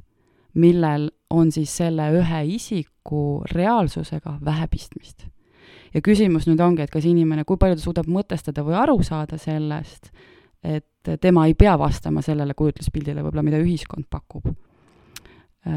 ja kas ta saab, tuleb sellega toime. või on siis äh, väga suur nagu lõhe sellega, et ta väga tahaks seda kujutluspilti enda ellu, aga mitte kuidagi nagu justkui ei saa. et selline on ressursipuudus äh, või on isegi juba selline noh, elu enda eitamise seisund tekkinud et hästi, noh, iga inimene on tegelikult hästi omapärane. Et igalühel on täiesti omanäolised seosed siis, et küll tal need kujutluspildid on esiteks küsimus, et kus tal need on, millised tal need on ja, ja, ja, ja kuidas ta siis suhestub, kui ta ei saa neid kätte. ja võib-olla on tarvis tal hoopis uusi kujutluspilte nagu noh, aidata tal neid näha. ja aidata nagu neid uuesti üle nagu noh, üle luua siis nii-öelda uuesti ja, nagu. või mm. kirjutada positiivsed lõpud ja, mingitesse kohtadesse, eks ole. aga jah, sa mainisid põhimõtteliselt selle energiavoo ja kujutluspildi teemaga, et, et kas mina enda en energiavooga suudan enda kujutluspilti nii-öelda manifesteerida tegelikult reaalsusesse mm, -hmm. et nagu mingis mõttes manifesteerimine jaa, ja põhimõtteliselt ta nagu oleks, eks ole, tõesti võib kasutada neid termineid, aga kas mul on siis see jõud ja selline terviklikkuse kingitus nii-öelda, et noh, seda energiat meie kehas on nagu palju, aga kui ma suudan selle mobiliseerida ja endast väljapoole siis rakendada mingisuguse toimetuse kaudu, mis aitab sellel kujutluspildil tulla mulle lähemale, et siis ju kõik töötabki, siis see masinavärk on nagu tööle pandud ja niimoodi edukas inimene tegelikult siis ühiskonnas toimibki. ja aga küsimus on siis jah, nendel juhtudel, kui, kui sa tead, mis on see pilt, kuhu sa tahad jõuda, aga ei jõua ja, ja noh, üks asi, mida ma, mis mulle hästi nagu haiget teeb ka, on see, et nagu päriselt ei mõisteta tegelikult neid raskeid seisundeid äh, nendel inimestel, kellel ei ole ressursse nagu teiste poolt, et see ei ole nagu alati hästi valdav ja, ja meil on väga palju empaatiavõimelisi inimesi, aga ikkagi väga nagu torkivalt ähm, mõjub mulle see, kui, kui ei suudeta tegelikult aru saada, et sõltuvuskäitumised on häire. et enamasti sõltuvustest ei tulda üksinda välja Äh, kui keegi tuleb ja sellega nagu uhkustab, mina nagu enda buliimia lugu, ma arvan, isegi väga paljud ei tea sellest, ma ei, isegi ei taha sellest rääkida, kohati ma võib-olla ka nagu eelistan kapis olla, aga ma ei arva, et omal käel peaks sealt välja saama ja tegelikult nagu mingis plaanis isegi nagu ei saagi. et äh, ja samamoodi ka depressioon, et äh, seal ei, seal on tegemist selliste ressursi ja energiapuudustega, kus tegelikult reeglina omal käel ei, ei saa välja. Ja mõista siis hukka, et miks ta ei tee nii või naa, et see ainult süvendab äh, seda probleemi ja tegelikult lõhestab sellel inimesel jõudmast enda kujutluspildini nagu just teiste poolt ka, sest siis söödetakse sinna sellist süüd ja häbi veel juurde, mis äh, noh, moodustavad veel suurema seina nii-öelda selle, selle vahel, et sina saaksid oma ideaalset kujutluspilti enda ellu siis tuua. Ja sa ennem mainisid seda edukat inimest, et, et tervel nii-öelda inimesel ongi keha ja hing seotud nii-öelda energiavoo nii-öelda ühenduva siis funktsiooni kaudu mm, -hmm. et kui seda ei ole, siis noh, sa rääkisidki, et kui kellelgi ei ole ressurssi, et kuidas saada endast tagasi see ühendus, see nii-öelda elu pulseeritavus, mida me seal kehapsüsioteraapias ka väga palju mm -hmm. ju mhm. mainime jah, see elu pulseeritavus ehk et siis ka noh, me võime lihtsalt kujutleda ka seda enda pulssi, eks ole, et meie süda ju lööb nagu ja me ei kontrolli seda vähemalt nagu noh, teadlikul tasandil me, on väga palju funktsioone meie organites, mida, millega meie ei tegele. et usaldada seda, et tegelikult see keha on valinud elada, sellel kehal on juba teatav nagu bioresonantstempo või noh, et igal, igal kehal jälle niisugune omalaadne, eks ole, et hakata usaldama sellist asja, see, tähendabki sellist turvatunnet enda kehas et tihtipeale, kui, kui tahta siis äh, mingisuguseid väliseid tulemusi, siis me hakkamegi kehaga tegema ekstreemume, noh, et pingutusena me tihti nagu lükkamegi tempo hästi ülesse. ja kui tempo on tükk aega vale, no siis võibki tekkida täielik ressursipuudus, sellepärast et keha on niivõrd väsinud, aga ta ei saa puhkust kui see on olnud äh, pikka aega, siis võibki juba rääkida sellisest kroonilisest väsimusest, eks ole, kroonilisest frustratsioonist ja, ja ka stressi taseme jällegi seal kortisooli nagu ringist, kust ei saa niisama välja aga, aga teine asi siis, no mis on küll ka seotud selle puhkusega, on just nimelt ka lõdvestus alati, et kui on tegemist nagu selliste reaktsioonimustritega, kus siis kõvasti hoitakse lihastasandil või ka liigeste tasandil energiat kinni, siis seal nagu aitab see lõdvestumine, et kui keha nüüd lõdveneb, siis loomulik energia liikumine on paremini kättesaadav, mis tähendab, et selline jõu jõutunnetus kehas on ka paremini kättesaadav ja selle mobiliseerimine täpselt samamoodi. aga see ei tule kunagi nagu kiiresti mingi ühe teraapiaseansi jooksul, et sa saad võib-olla seda kogemust inimesele ühe seansi jooksul nagu anda. ja sa üldse aga... nagu ise ka ära eristada, vaata, et, et sul on niisugune äh, nagu reaktsioonimuster üldse, et, et, et lihastes ja mm -hmm. see liigeste oma nagu, et see on hästi nagu nüansi rohkem. et näiteks, kui tulebki teema lähisuhted või tuleb teema ema, et siis ma koheselt kangastun mingisse noh, et, et ma juba hoian kinni, eks ole, no näiteks mina seal oma abaluude vahel nagu kõike, et jumala eest see energia pähe ei liiguks. et, et hakata nendes kohtades lihtsalt nagu hoopis kuidagi lõdvestuma, märkama ennast, noh, hästi palju ka seda hinnangu vaba olemist, et ma ei, noh, et okei okay,, ma teen seda, see ei tähenda, et ma homme seda enam ei tee aga ma annan endast kõik, et nagu vähem minna sinna reaktsiooni, nii kui ma seda märkan. et nagu noh, liikuda edasi ikkagi ka sellises optimaalses äh, enda jaoks võimekuses, et, et sa nüüd teisest küljest, kui ma saan mingist reaktsioonimustrist teadlikuks ei hakka pingutama jumala eest, et ma pean sellest kähku välja saama, mis muidugi tegelikult alguses kindlasti kohe juhtub et kui sa avastad, et mul on see, siis sa tahad jumala eest sealt kähku välja, eks ole aga noh, enamasti meil kõigil on need kõik asjad ka seal, et, et aga noh, see selline küpsus nagu saabub hiljem. ma mõtlen, kus otsast see küsimus oli, seal oli, küsimus oli hea. Äh, jaa, oota, las ma ise ka mõtlen nüüd, kus ma mida küsisin. Äh, see oli jaa sellega seoses, et äh.... aa, et kui ei ole ressurssi, eks ole. jaa, et kui inimesel ei ole ressurssi mm. -hmm. aa, siis äh, tahtsin kindlasti ja tuua, et noh, üks asi on see lõdvestusoskus ja kõik see, et, et me pääseme ligi iseendale rohkem ja läbi, läbi selle ka enda jõule rohkem, et kui me ei kangastu enam nendesse mustritesse, aga, aga teine asi on nagu nõrkus. et kui ongi, noh, depressiooni puhul võib nõrkus olla just nimelt selles eneseväljenduses, et kui me piirame enda eneseväljendust, siis äh, siis enam energia ka ei liigu ja, ja sellega me viime energia nagu alla, alla, alla. tihti muuseas depressiooni puhul aitab just nimelt sellised igasuguste vihapraktikate nagu rohkem ülestoomine. aga see selleks, äh, see ei ole alati üks-ühene. aga seal võib olla põhjusena ka keha enda nõrkus ehk et lihased on nõrgad. teinekord teatud tüpaaži inimest on vaja suunatagi tegema kerget jõutreeningut. mitte see jõusaal, ehitad ennast üles, tram-tram-taraa, mitte see, aga see, et ta teebki endaga lihastööd, noh, kõhulihased on kindlasti hea piirkond ja jalad nagu, et sümbiootiliste vajakajäämiste puhul, kui siis ei ole see emaga suhe Äh,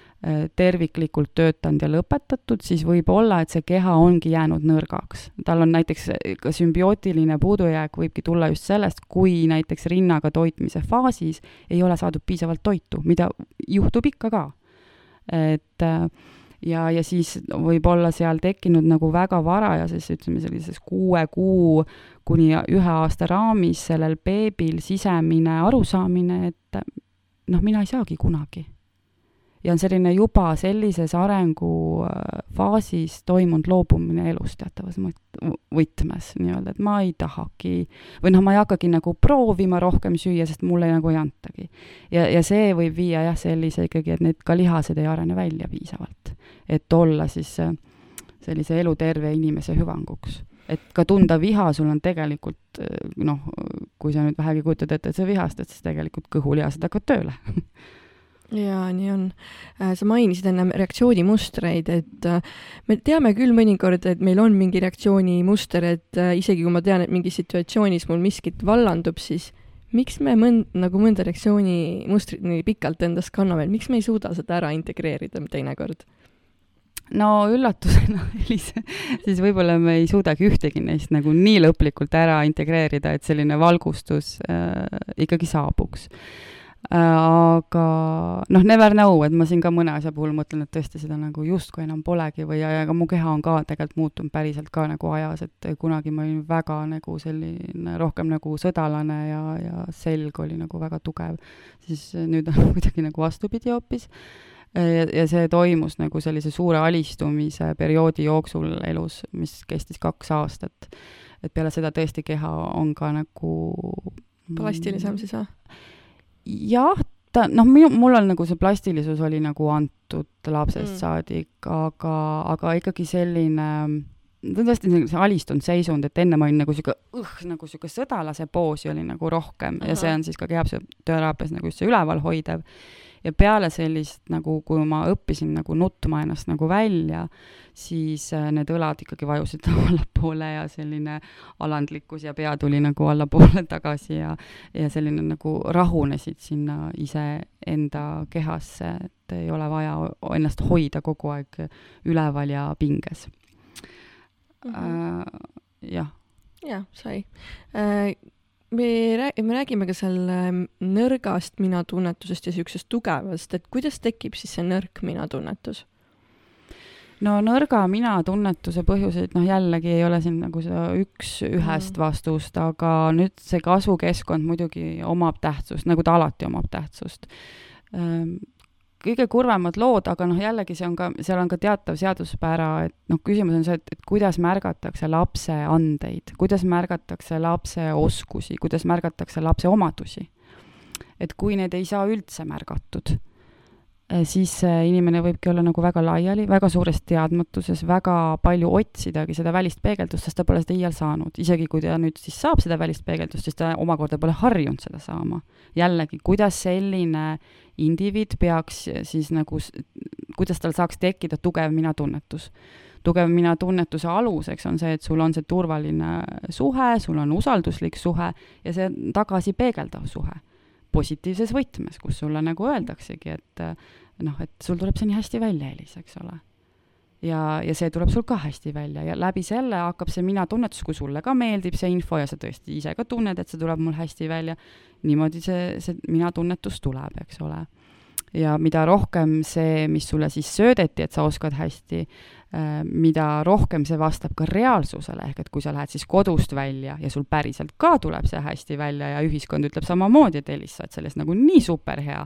noh, siis saab see mina-tunnetus seal ka nagu ainult kasvada ja kasvada ja kasvada, eks ole, et, et tuleb seda kogu aeg see tagasisidestatus mm, -hmm. eks on olemas. see ongi nagu see enesekindlus seal tekkinud juba ja, tegelikult. enamasti, enamasti küll jah, et, et noh, et selles süsteemis ei ole kahtlust. Mina, Elis, mina oskan seda. eks ju, seal süsteemis ei tule kahtlust sisse, et äkki täna mul ei tule välja mm. -hmm et see on, see nõrk mina-tunnetus võib minna sinna äärmusesse, kus polegi enda tunnetust, kes ma üldse olen nagu. selline, me räägime sellest selgrootusest. et tõesti, seda ei pruugigi olla, et sa oled lihtsalt niivõrd nagu alistunud, niivõrd muudkui kogu aeg kohanev aga tegelikult, kui tekibki nagu see koht, et, et aga mis ma siis tunnen, mis ma olen, äh, siis selles kõige nagu ekstreemsemas vormis on see, et tegelikult selles kehas see energiaühendus või kontakt iseendaga äh, on peaaegu et olematu. et, äh, et ka see, noh, selliseid lugusid on ja, ja noh, sellistes kohtades me saame rääkida tegelikult ka sellistest psüühikahäiretest Lähmegi siis edasi, lõhestumine, armastus, sümbioos, et äh, me räägime väga palju ka seal seda püüdlevast sümbiootilisest seotust otsivast äh, käitumisest, et mida see täpselt äh, äh, selle sümbioosi all siis mõeldakse, et noh, me ennem ka mainisid, et võib-olla mõned mhm. vaata ei saa aru, et mis see siis täpselt on nagu. No sümbiootilisus ja sümbiootiline suhe siis äh, alati äh, võib esmasena mõelda siis ema, aga tegelikult see on siis mis iganes isik, kes on see esmahooldaja beebil ja, ja kui beebi sünnib siia maailma, siis äh, noh, öeldakse üldse nagu on äh, selline emotsioonide uurija nagu Jaak Panksepp, kes on siis Eesti päritolu tegelikult ja on seda uurinud siis hiirte peal minu teada, et, äh, et esmaseid emotsionaalseid seisundeid on uudishimu. ja mulle tundub seal väga palju nagu tõetera sees olevat, et läbi uudishimu me äh, kui uudishimu on nagu valla inimeses, siis me räägime avatud meelega inimesest ja avatud meelega inimene on paindlikum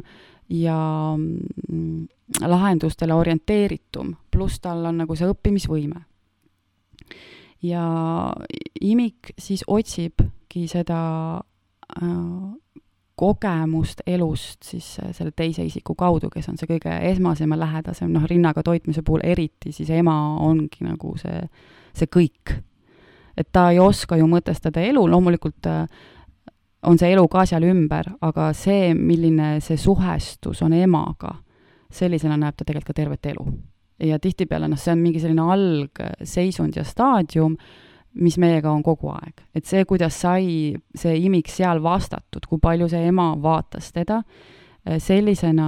me tihti ka täiskasvanuna, üleüldse me alati nagu, me ei, me ei kasva sellest nii-öelda kunagi välja, me võime seda ümber õppida mõtestama ja tähendust sellele omistama,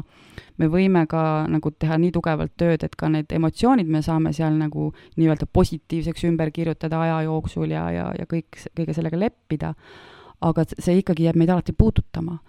ja ja seal on üks hästi huvitav nagu äh, töö, mida siis on ka väga põhjalik raamat äh, sellest, kuidas see, mida imik kõige rohkem veel nagu tunnetuslikult vajab, on just selline energeetiline energiavoog südamest südamesse emaga. et sa võid olla seal rinna otsas ja, ja rinnapiima jagub, ütleme, et on selline küllus äh, piima osas ja, ja ka füüsise osas, et sa saad seda sooja kontakti sealt aga kui nüüd see ema nii-öelda energeetika ehk et ka see tähelepanu ja armastav suhtumine lapsesse ei ole ühendatud, et siis laps äh, tajub seda ja tema südame nii-öelda päriselt ka siis nagu see südamepiirkonna koht jääbki alati otsima ja vajama seda, et see esmane,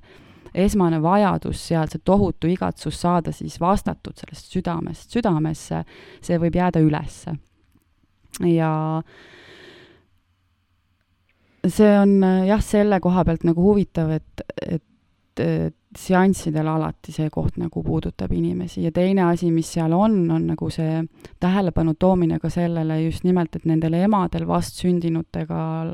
la, lapse emadel, et, et kuidas nende kasvu, nende keskkond, mitte kasvukeskkond siis, aga noh, ka emana kasvukeskkond on. ehk et kui sellel ema eluolukord sellel hetkel on väga keeruline siis äh, võib-olla sellepärast ta ei saa pakkuda oma lapsele seda, et noh, siinkohal tulebki, et miks on isa nii oluline, et isa loob selle keskkonna, kuidas siis ema kogeb armastust, et kui emal on näiteks ebaturvaline isaga, siis on tal väga raske sealt pikendada nüüd sinna lapsele anda tohutult armastust edasi, eks ole mm. -hmm. et see on see, kuidas siis kõik mõjutab kõike aga kaua kestab muidu selline normaalne sümbioos vanemaga, et kas ma saan aru, et kui äh, imiku arenguperi-, arenguperioodil on see nagu normaalne, aga kui see täiskasvanuna äh, tuleb, siis seda võib nagu reaktsioonimustriks siis äh, välja kujuneda, kui see ei ole nagu lõpetatud? kui see jääbki, see igatsus üles ja seda ei tulegi, kui nüüd seda südamest südamesse kontakti ei ole, ongi, et noh, tihtilugu on see, et nendel emadel on südamed kinni siis see jääbki üles nii kauaks, kuni sellega siis terapeutiliselt ei tegeleta või sellele tähelepanu ei suunata. sellepärast on meil ühiskond täis nagu palju igatsust, palju selliseid armastuse asendustegevusi üles ehitatud asjadele ja ka palju nagu vääraid suhteid, ütleme. et, et kes iganes siis tuleb või mu teele satub ja need midagigi seal klapitub, et siis jäädakse kokku klammerduvalt sellisest ähm,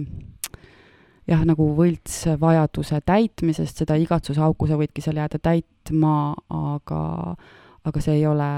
noh, ütleme selline alati see kõige õigem valik. ja kindlasti mitte piisav äh, selle inimese jaoks ka, kui ta nagu äh, tahab ja, ja rohkem no,, rohkem vaata. just, et mm, -hmm. et noh, tavaliselt siis on kodeeritud sinna sisse nagu see pingeolukord, kus tegelikult sa hakkad aru saama, et see inimene mul on siin olemas, aga, aga ma ei saa ikka et see olemuslikult äh, sellist toidet ei tule peale, eks ole. aga kuidas saaks ise tervendada võib-olla seda igatsuse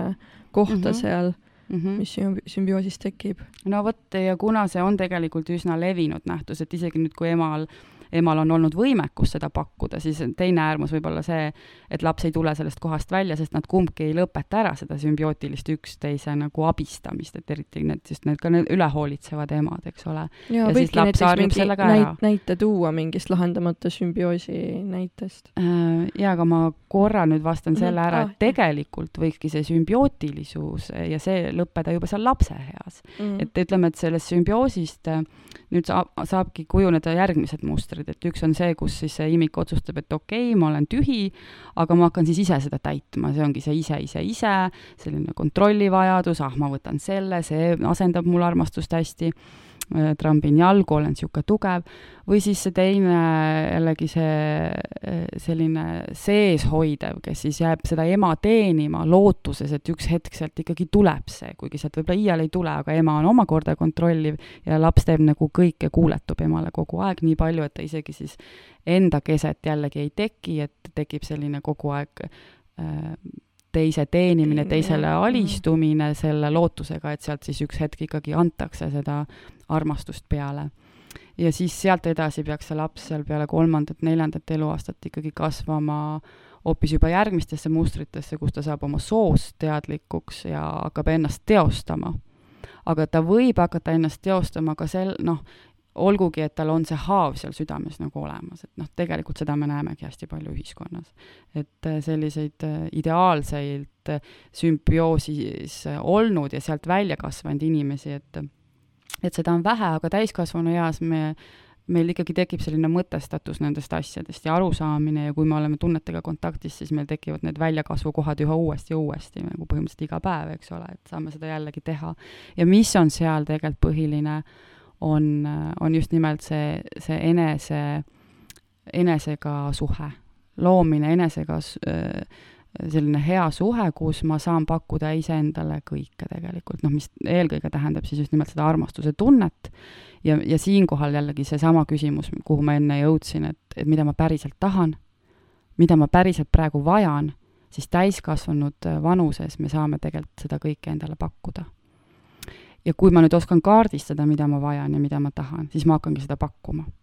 Terapeutilises protsessis tihti see on, need on just need asjad, mida pole iial ise endale nagu suutnud pakkuda. et natuke see tavaliselt on selline väljakutse koht ka, et noh, mis mõttes ma ju tahan nagu partnerit, eks ole, et mis, mis partner, kuidas ma seda siis nüüd endale ise teen. aga tegelikult saab nagu kõiki neid aspekte ikkagi teha ja niimoodi hakkab just nimelt see enese kese enese nagu märkamine, aga ka enese toitmine vaikselt pihta. aga jällegi ta, teda on nagu vaja niimoodi nagu ehitada niimoodi õrnalt ja ilusti seda suhet endaga ka, et ei ole nii, et noh, nüüd ma tunnen, et ma tahaks vanni, ma lähen õhtul vanni, teen seda, pakun endale ja nüüd on kõik tehtud, et noh, et ei ole, eks ole, et et see on selline konstantne iseenda märkamine ja konstantne ka see, et sa tood selle tähelepanu tagasi enda juurde, mitte et et, et noh, jällegi, kas siis nüüd see naabrinaine teeb selle asja hoopis ära või või sa lähed ja ostad mingisugust teenust,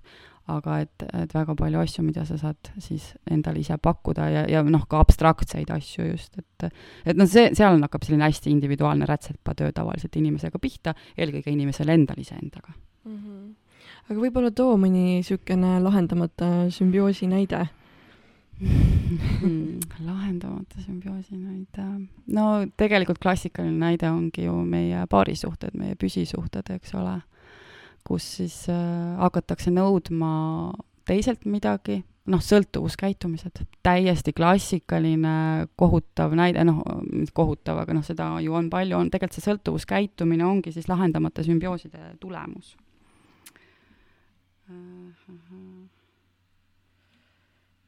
sest äh, noh, tihti see, kui sul on need puudujäägid äh, ema hoolest siis, äh, siis meil on äh, tunde tasandil selline ambivalentsus võib-olla just, et noh, et me enda tunded on meile ka segased. ja see omakorda takistab meil võtta vastu otsuseid, mis oleksid meie enda jaoks tegelikult eluterved, head ja edasiviivad. sest kui sul on segadus tunnete tasandil, sellele järgneb segadus mõtte tasandil ja see, ja see kok-, noh, see, see kompott jääb sinust nagu keerlema, eks ole. ja, ja siis Äh, ütleme, sõltuvuste puhul mingid teatavad ained või tegevused toovad siis ajutist kas pingelangust või sellist näilist maandatuse tunnet või siis sellist totaalset kaifi tunnet, et ta justkui siis äh, korraks äh, selle valu ja vaeva nagu paneb sind unustama, noh, mingiks hetkeks. aga paraku ei suuda siis ka ükski narkootiline narkootilise all, siis noh, see võib olla ka tõesti suhkur või, või alkohol või äh, või mingisugune pornograafia, see iial ei asenda jällegi seda olemuslikku toidet, mida sa otsid. jaa, ma arvan, et paljud inimesed said siit resoneeruda. Mm.. võib-olla räägiks veel sellest ähm, võltsminast ja päris mi-, minast, et kuidas neid ära tunda ja pär-, päris minani siis ikkagi jõuda mm. -hmm. et me käsitleme tegelikult ju kehapsühis neid ka, et need olid täitsa materjalis. ja need on ka, see oli nagu, mida ma kohe märkasin selles õppes ja kohe kuidagi mõistsin enda jaoks ja, ja esimesed need valukogemused tulid just sellest, et jesus, kui võlts ma olen, kui võlts ma olen või nagu äh, no aga ka, aga ka seda jah, et, et järelikult see päris mina on olnud nii haavunud ja nii nagu mm, abitu ja, ja nii häbis võib-olla teinekord, et teda kasvatada ongi, noh, sa ei julge isegi hakata seda päris mina kasvatama, sellepärast et see tunnete laviin, mis sellega kaasneb, et seal on enamasti palju valu, aga ka palju häbi võib-olla ka süütunnet, noh, et nagu nii palju ebameeldivaid asju, et sellepärast sa ei taha võtta seda väikest päris mina, sest tihtipeale see päris mina võib ollagi noh, seal nendes esmastes valukogemustes, kus sa võib-olla oledki kuuekuune, võib-olla nagu ema üsas, eks ole. et minu loo puhul ka mul äh, oli õde ja ta suri nagu üsna pea, kui mina sündisin aga temaga oli juba keeruline siis, kui mina olin ema üsas, eks ole. ja see kindlasti on minu elukogemuses juba nagu sees, läbi ema. ja mm, ma veel korra põrkan selle sõltuvuste juurde tagasi, et just selline, öeldakse, et selline krooniline mahajäetuse tunne, mida laps võib kogeda, et tihtipeale seal on väga otsene seos äh, siis sõltuvushäiretega. et äh, noh, et see on jällegi lapse tunne, see ei pruugi olla, mida nüüd reaalsuses ema teeb, eks ole, aga, aga see, kuidas see tundepagas lapses hakkab nagu pihta, see hakkab niivõrd nagu õrnas ja noores ja võib-olla tõesti ema üsas juba pihta. ja siis sedasama kogemust ta nagu jälle kogeb ja jälle kogeb ja jälle kogeb ja sellise kroonilise mahajäetuse tulemusena äh, võib tekkida selline täiesti meeleheitlik seisund, kus sa ei näe mitte mingisugust nii-öelda seda valgust seal tunneli lõpus, eks ole, et sa lihtsalt oledki sellises pidevas mahajäetuses. et isegi kui keegi tuleb, siis ta jälle läheb, eks ole. ja, ja siis noh, et muidu sa naljalt ju noh, kui sa tunned sellist kaifi elust, siis sa, sul ei ole absoluutselt vaja mingit lisaainet. noh, pigem see lisaaine tekitab sulle ebamugavust. aga kui äh, kui sa oled jah, sellises kohas, kus ei ole nagu ressurssi tahta elada, siis igasugunegi natukene selline stimuleeriv või mingit kaifi pakkuv kogemus äh, on tegelikult sinu jaoks isegi eluterve otsus, sellepärast et me kõik soovime nagu tunda naudingut ja me tegelikult nagu tung elususe ja naudingut pakkuva elususe osas on edasiviiv jõud. aga kui süsteemil ei olegi seda antud või see süsteem on selle koha juba nagu endast välja lülitanud, nagu selle loomuliku naudingu ja kaifi elust ja, ja et siis, siis tulevad paraku sellised välised ained mängu mm,. me räägime ka selle, sellest ähm, lõhestuvast äh, isiksusest, et kuidas tekib inimeses see lõhestumine? et kas mm, -hmm. noh, sa rääkisidki praegu sellest äh, noh, mahajäetusest, kroonilisest mahajäetusest, kas mm -hmm. seal võib ka, on see oht nagu tekkimaks? Äh, sellisel juhul peab see juba all olema, see lõhestatus ka, et mm. krooniline mahajäetus on nüüd seotud just nimelt selle sümbiootilise äh, aja äh,, ajaraamiga meis, mis siis hakkab, see on ütleme seal neli kuud kuni poolteist aastat, kaks aastat peale sündi, kus see suhe emaga siis nagu paika pannakse. Ja seal võib just olla seda kroonilist mahajäetust. Ja jällegi, krooniline mahajäetus võib olla emotsionaalne mahajäetus, et ema istub seal toas, aga ta näiteks vahib telekat. Ja on tänane väga-väga suur teema siis sellest, kuidas see nuti, nutimaailm, kus lapsed tegelikult on maha jäetud. ja noh, jällegi kurb, aga tõde, eks ole, ja siis, siis me oleme pahased nende laste peale, kes ei tule enam õue, vaatadki siin linnas ringi, et nagu maja majas kinni, seal majade sees on lapsed, kes enam ei käi õues. aga miks nad ei käi õues, et, et nende valik ei olnud see tegelikult, et sündida siia ja istuda toas võib-olla seal ekraani ees et kust see tegelikult pihta hakkab, kui palju me ise nagu oleme nutisõltlased, et äh,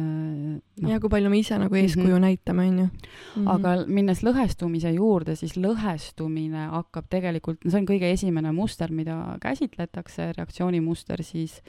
ja see on iseendast lahtiühendus lahtiühendus siis, et sa võid ühendada lahti ennast enda tunnetest, enda mõtetest, see on näiteks, kui inimene ütleb, et ma praegu üldse ei tea, mida ma tunnen või ma ei tea, mida ma mõtlen, et tal, tal võibki olla nii-öelda niisugune blank, et ta tõesti ei tea, et nagu šokk on nii tugev, et ta ei suuda nagu aru saada või luua sellist terviklikku kehakogemust, et ja siis äh, ekstreemsematel juhtudel võibki olla, et sa nagu see energia läheb kehast välja, et on selline täiesti lahtiühendus enda kehast ja, ja sel-, noh, seal me räägime ka muidugi siis psüühikahäiretest tihtipeale, et äh, ja, ja lõhestumine võib siis olla ka erinevate isiksuse osade vahel, aga meie mm, kehapsühhoteraapia kohaselt vaatame seda mustrit kujunemas siis just nimelt ema üsas, sünnituskogemuses ja siis ka need mõned kuud peale sündi ehk et äh, traumaatiliste sündide puhul võib lõhestumine tulla just nimelt selle esimese hingetõmbe raskusega või või, või millegagi, mis seal juhtub, et äh, ei ole see beebi vastu võetud nagu korrektselt. ka kogu selline see nõukogudeaegne sünnitus annab vihje sellele, et tegelikult meis kõigis, kes on sellel ajal sündinud, on, on see lõhestuv tendents olemas küsimus on noh, muidugi alati, et kui, kui sügav see tendents on või kui palju see nagu su elu puudutab, eks ole. ja selle lõhestuva käitumise mustri puhul on selline maandatuse harjutamine tegelikult võti.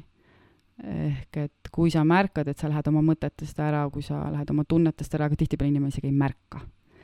et, et see lõhestumine on nii automaatne. aga me läheme nagu... ju enda mõtetesse ka, kui me tahame enda tunnetest nagu vabaneda et mõnikord on nii, et me ja, oleme, oleme mõtetes ja et siis me oleme kuskil ära ja siis me mingil hetkel avastame. kuidas seda nagu nimetada? no kui see on selline driftimine ja triivimine, mida sa ise teadlikult ei juhi, eks ole, et siis see võib olla lõhestumine see võib olla ka tegelikult lihtsalt selline tore kaitse, mida sa oskad nagu kasutada, et see ei pea tähendama, et on otseselt kohe lõhestumine. et tegelikult nagu sellises psühhoterapeutiliselt tihti ei ole see sildistamine niivõrd tähtis, ütleme, et akadeemilises psühholoogias see sildistamine on nagu ülevindi tähtis, eks ole, või kuidagi noh, minu noh, tegeleb sellega palju, siis äh, kui ma vaatan seda isiksust, siis noh, ma, ei hakka talle üldse tegelikult neid mingeid silte juurde panema, et selle õppe läbimisel on oluline nagu neid tendentse ja mustreid nagu enda jaoks selgeks saada, aga tegelikult, kui sa vaatad inimest, siis sa vaatadki seda tervikut, kus need erinevad mustrid seal tema sees kompavad ja mängivad. ja minul äh, noh, mina annan talle lihtsalt sellise mingisuguse äh, Mm, ruumi, kus tema saab hakata avalduma ja ma, ma enamasti kliendile tegelikult teooriat ei taha väga anda nagu väga mitmel põhjusel, et äh, mida on näha, on just see, et kui, kui ta kuuleb neid teooriaid, siis ta hakkab ennast üle sildistama ise, ta hakkab üle muretsema ise mingites kohtades, ta noh, ta lähebki teooriasse ja hakkab võib-olla seeläbi forsseerima endale ka mingeid kogemusi palju nagu olulisem on see, et leida inimeses üles just need ressursid, mis tas juba olemas on, et ta saab neid hakata rakendama, et enda elu hakata ehitama. Et ei ole vaja minna traumadesse, tegelikult on vaja liikuda just elususe ja naudingu suunas, sest see hakkab omakorda siis lumepalliefektina positiivseid asju juurde tooma kogu aeg ja energiat hakkab olema järjest rohkem kogu aeg. Aga lõhestumise juurde siis veel see väike märksõna ongi, et, et kui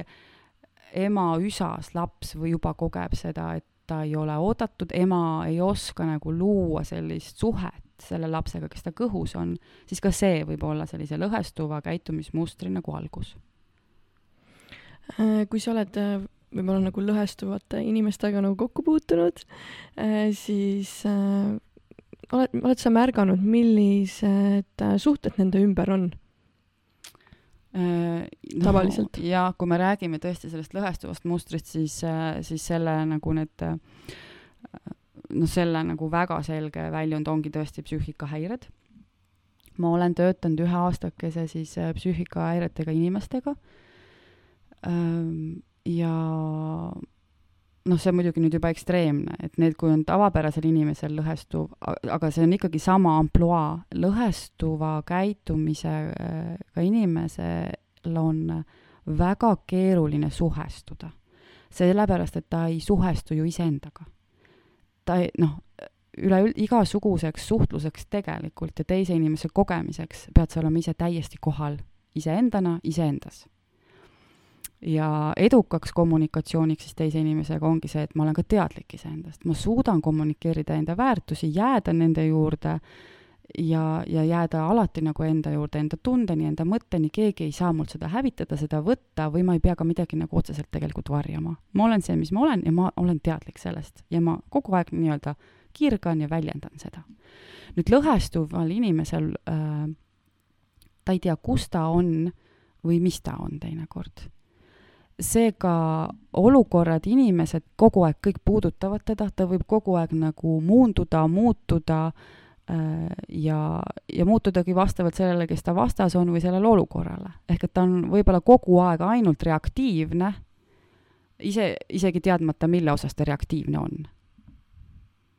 et mul on nagu reaktsioon, on ju mm, -hmm. ja ma ei tea, mis, mis seda põhjustas, on ju mm. -hmm. ja teine mm -hmm. nagu äh, näide on ka selline geniaalsus, enamasti lõhestuvad inimesed siis on võimelised elamagi seal peas nii-öelda äh,. Nad võivad olla väga intelligentsed, lausa geniaalsed. ehk et kogu energia liikumine ongi siis nii-öelda torsost ja kehast äh, siis äh, juhitud pähe ja, ja mõttetegevusse, kus siis äh, aju võib seal igasuguseid süsteeme välja mõelda, kaasa arvatud nagu tohutut kujutluspilte, et äh, et ka kunstnike selline väga suur loominguline anne võib olla seotud just nimelt sellise lõhestumisega. et sa oma kehas nagu ei ole kohal, sa ei tea võib-olla, mida ma olen, mida ma tahan, mida ma tunnen, aga noh, energia töötab kuskil mingites teistes väljades nii-öelda, mis võivad olla ka väga viljakad siis loominguliselt või intelligentselt mm. -hmm. võib-olla mõtlengi, kas ma veel vaatan, oota aga jah, see, selle käitumismustri puhul on siis jah, paraku see, et sellises armastavas kontaktis olek on võõras ja võib tuua esile hoopis väga palju raevu. et see raev tegelikult on just väljend sellest, et ta tahaks olla kontaktis. ta tahaks tulla täielikult iseendasse ja sealt luua kontakti teisega, aga seal on see, see valu sellest, et teda ei ole nagu väl-, nagu vastu võetud või et ta ei ole nii-öelda maabunud endasse iseendana kogu oma täies ulatuses. jah, eks ole, või sellise, no jah, turvalisuses, ütleme, et tal ei ole iialt turvaline olla, et ta, kui ta võib küll tulla iseendana kohane, aga kohe see, koheselt on see ebaturvaline ja hirm, et ta jälle on sunnitud siis nii-öelda ennast tõmbama kas siis pisikeseks või, või lausa nagu lahkuma kehast nii-öelda mm. -hmm. kuna toimub, kui me nagu nii-öelda teisi nii-öelda läbi lõikama, ma mõtlen seda selles, et ma olen ise mõnikord täheldanud endas, kui ma tõesti nagu noh, ongi see, et olen midagi teiselt oodanud, on ju. noh, see on natuke noh, vara, varasem teema juba olnud äh,. mingi käitumisviis äh, ei lähe nagu täpselt nii, nagu umbes nagu ma olen mõelnud, siis äh, seda ei tulnud, on ju. siis to toimub üsna tihti, ma olen täheldanud niisugune nagu läbilõikav nagu äh, reaktsioon, et ma nüüd lõpetan mingiks ajaks suhtluse või ma ei räägi sinuga üldse, vaata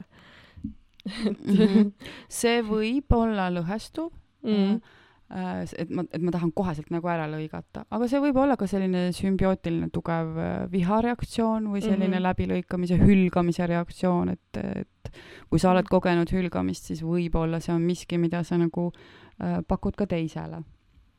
Mm -hmm. et seal on siis vaja hakata uurima selle kliendi käest, et äh, kuidas ta seda täpselt teeb ja mida ta täpselt kogeb, et siis me saame natukene nagu tõesti selle täpsemaks, et kas on tegemist nüüd sümbiootilisest faasist tekkinud sellise käitumismustriga või lõhestuvast. ja seal oleks siis nagu erinev lähenemine, et kui see on sümbiootilisest faasist tekkinud, ütleme, vihapõhine selline äh,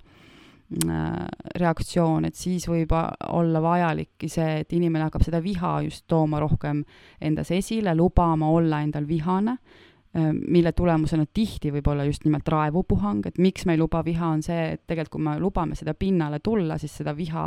on seal nii palju, et see on selline raevupall seal all. ja see on ju ühiskondlikult täiesti taunitud käitumine, et mitte ainult ühiskondlikult, vaid enamasti ka nagu perekondlikult ei lubata lastel selline olla, mis on siis toonud kaasa just nimelt selle, et nii kui, kui need impulsid hakkavad kehas nagu liikuma, siis inimene saab koheselt jällegi hirmuosaliseks ja tõmbub täiesti tagasi siis me ruumis hakkamegi avama seda, seda viha erinevate nagu harjutustega, tihti siis just selliste aktiveerivate väljaelamisharjutustega. ja inimene vajab siis seda kontakti selle vihaenergiaga, et aru saada, et see on turvaline, see olen mina. ja selle jaoks on tegelikult terapeutiline ruum tohutu hea koht, sellepärast et seal ei ole sul lähisuhet. mina ei pahanda, mina plaksutan ja rõõmustan, kui ma näen, et inimene, kellel on võib-olla noh, aastaid see olnud pinna all, ta saab selle välja, sest enamasti on see ka väga tervendav, et, et viha on ju selline tuline, ta tuleb ja puhastab ja lükkab tegelikult keha hästi palju liikuma, et viha on lihtsalt, isegi see sõna viha nagu ei kasuta, ma tihti ütlen, vot, võta nüüd see energia ja ole sellega, ole autentselt praegu sellega, kui sa tahad lõhkuda, mine lõhu Jumala eest. ja siis inimesed arvavad, et noh, nüüd ma olengi see metsistunud loom, issand, ma olengi selline, noh, tegelikult see ei ole tõsi, sa lihtsalt koged seda mingiteks hetkedeks, eks ole, võib-olla seal minut, kaks, kolm, noh, kümme olen näinud ka, et inimene seal võib-olla trambib ja lõhub. aga siis ta nagu väsib ja siis võib sealt alt tulla mingi järgmine kiht, eks ole, tihti seal võib olla just see abitus, kurbus, valu, mida on väga üritatud hoopis vältida. ja, ja kui me niimoodi seda tööd teeme, siis üha omasemaks saab tal see, et need impulsid ta paneb ikkagi liikuma ja, ja see enam ei hakka lõppema alati raevuga, vaid üsna rohkem hakkab ta lõppema just nimelt mõistlike tõdemustega, et et äh, issand, et ma tegelikult kogen praegu, et ma olen abitu või mul nagu tuleb see tohutu kurbus, eks ole, ja ta hakkab oskama seda palju paremini lahendada ka sellisest võib-olla vaatleja positsioonist ja, ja lihtsalt lubama ka kehal nagu lõdvestuda ja rahuneda. et äh, jah, et selline mingi huvitav müüt on selle viha lubamisega, et siis kõik metsistuvad ja loomastuvad ja ja nagu kohutav, ära mine sinna teraapiasse ja ma kuidagi hakkasin kohe nagu, mul tuli niisugune muie või nagu hea tunne, sa rääkisid sellest nagu nii hästi praegu, sellest äh, viha olemusest, et äh, et mul tuli see noh, enda seanss ka meelde, kus siis Äh, kus ma ka siis peksin mingit asja ja et, et sain ka teadlikuks, et ikkagi rohkem viha endas nagu esile tuua, et, et see on nagu teema, millega tuleb nagu edaspidi tegeleda veel. et, et neid äh, asju, mis ma nagu sinu käest teada sain, on äh, tegelikult väga palju ja ülitänulik et ähm, aga hakkamegi siis vaikselt lõpetama, võib-olla saadet lõpetamegi ilusa teemaga nagu armastus, et äh, kuidas sina kuidas sina näed võib-olla armastust? Uhlala, no ma arvan, et armastusest et äh, me oleme sündinud, ma usun, ma nagu, ma tõesti nagu tunnen seda nüüd ka, et äh, ma arvan, et kümme aastat tagasi ma nagu vihkaksin iseennast seda rääkimas või mul oleks nagu väga häbi. aga ma saingi aru, et mul oli väga palju häbi oli nagu armastuse ees minul, et nagu olla armunud või, või armastada ja seda välja näidata ja et see on vastatud, see tundus lihtsalt niivõrd piinlik äh, aga täna ma saan aru, et tegelikult kõik on nagu armastus ja selle resonants, et, et me tuleme ikkagi väga sellisest armastavast kohast, et see, et kui keegi soovib endale järeltulevat põlve või on üldse nagu võimeline nagu sünnitama või, või eostama või armastust jagama mees ja naine, et see on midagi nagu kõige ilusamat, ma tooks jälle siin selle, selle kuldlõike ja valgusega nagu sisse, et äh, et noh, ma loodan, et iga kuulaja on olnud nagu armunud ja et see võib olla konstantne seisund, ta ei, nagu ta ei pea olema, aga armumine alati tegelikult ongi iseenda vastuvõtmine. et see on nii tore, kui sa, see, see peegeldub kelleski teises, aga tegelikult sa ju avaned jälle sinna enda selle ema-üsa ja ema suhte ja, ja selle, kuidas mina maailma tajun kohta et kui see keegi teine suudab sind puudutada selliselt, et ma taas saan nagu valla, avanema kõik need, ma ei tea, kas siis need rakud ja valgused või aga noh, see, selle kogemine, see on ju noh, imeline ja maagiline öeldakse, aga järjest rohkem kui nagu seda materjali õppides ja, ja praktiseerides ja õpetades äh, saan ma aru, et issand, aga aga tegelikult see ju hoopis ongi kõik nii, et see on loomulikkus, et see on nagu see, mille jaoks me oleme tulnud. ja, ja niimoodi noh, võib öelda, et see on mingisugune roosa või positiivne maailma nägemine, aga miks mulle tundub see ainuõige, on siis, et, et sellises seisundis äh, me oleme nagu head me soovime üksteisele head ja niimoodi selles seisundis liikudes me jõuame ka nende õige paarisuheteni. ja kui laps näeb seda head paarisuhet, siis uskuge mind, see laps on nagu väga palju motiveeritum äh, elama ise ka sellises armastavas olekus äh,, taotlema harmooniat kõigile ja, ja ma tõsiselt usun, et siis me ka, meie suhtlustasand ka muutub, et, et väga palju on sellist lingvistilist vägivalda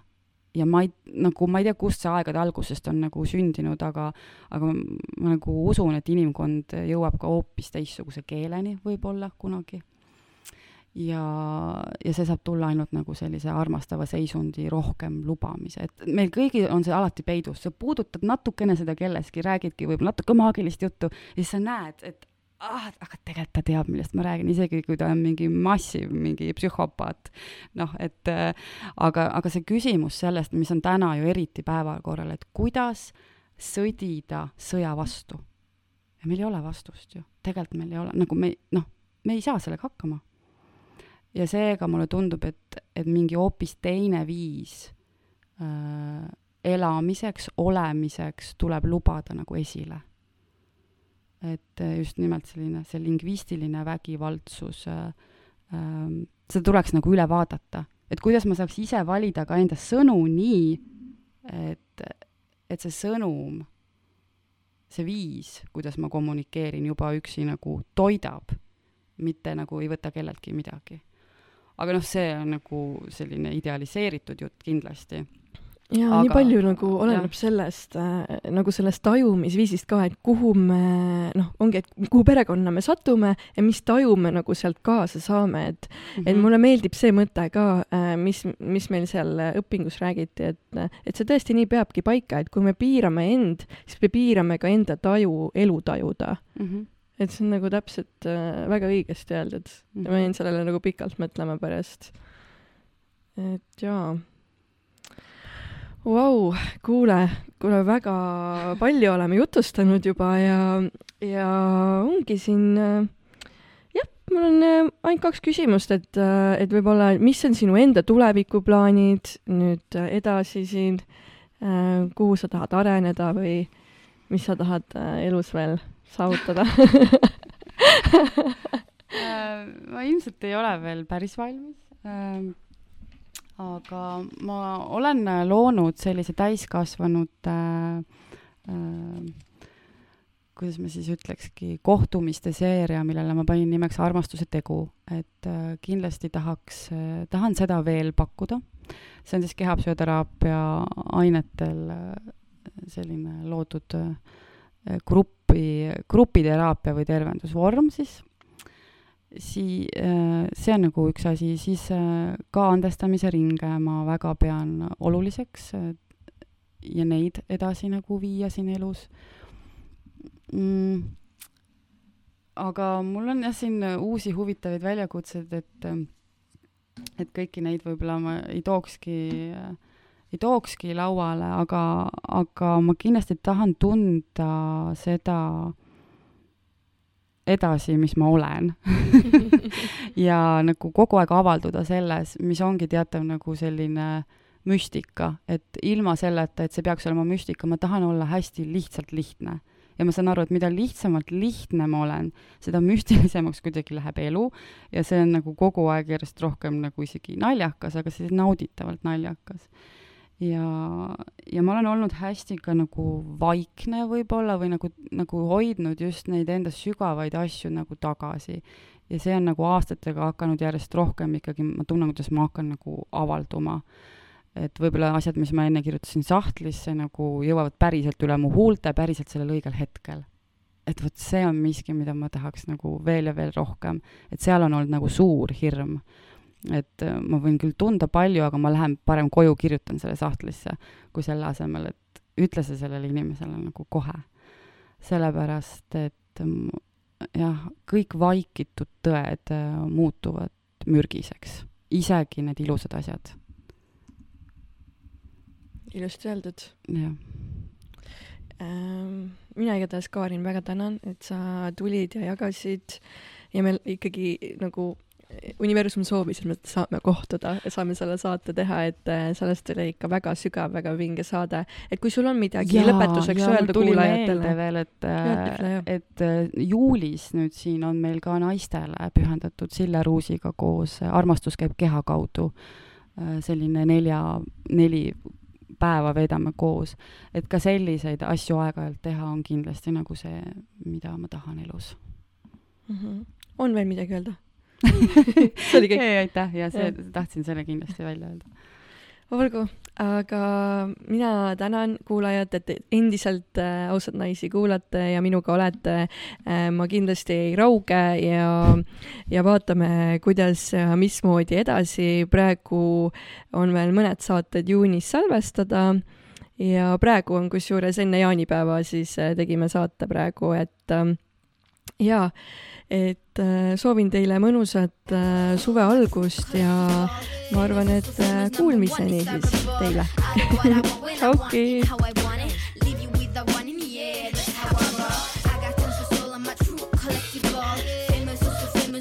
undesirable. I do what I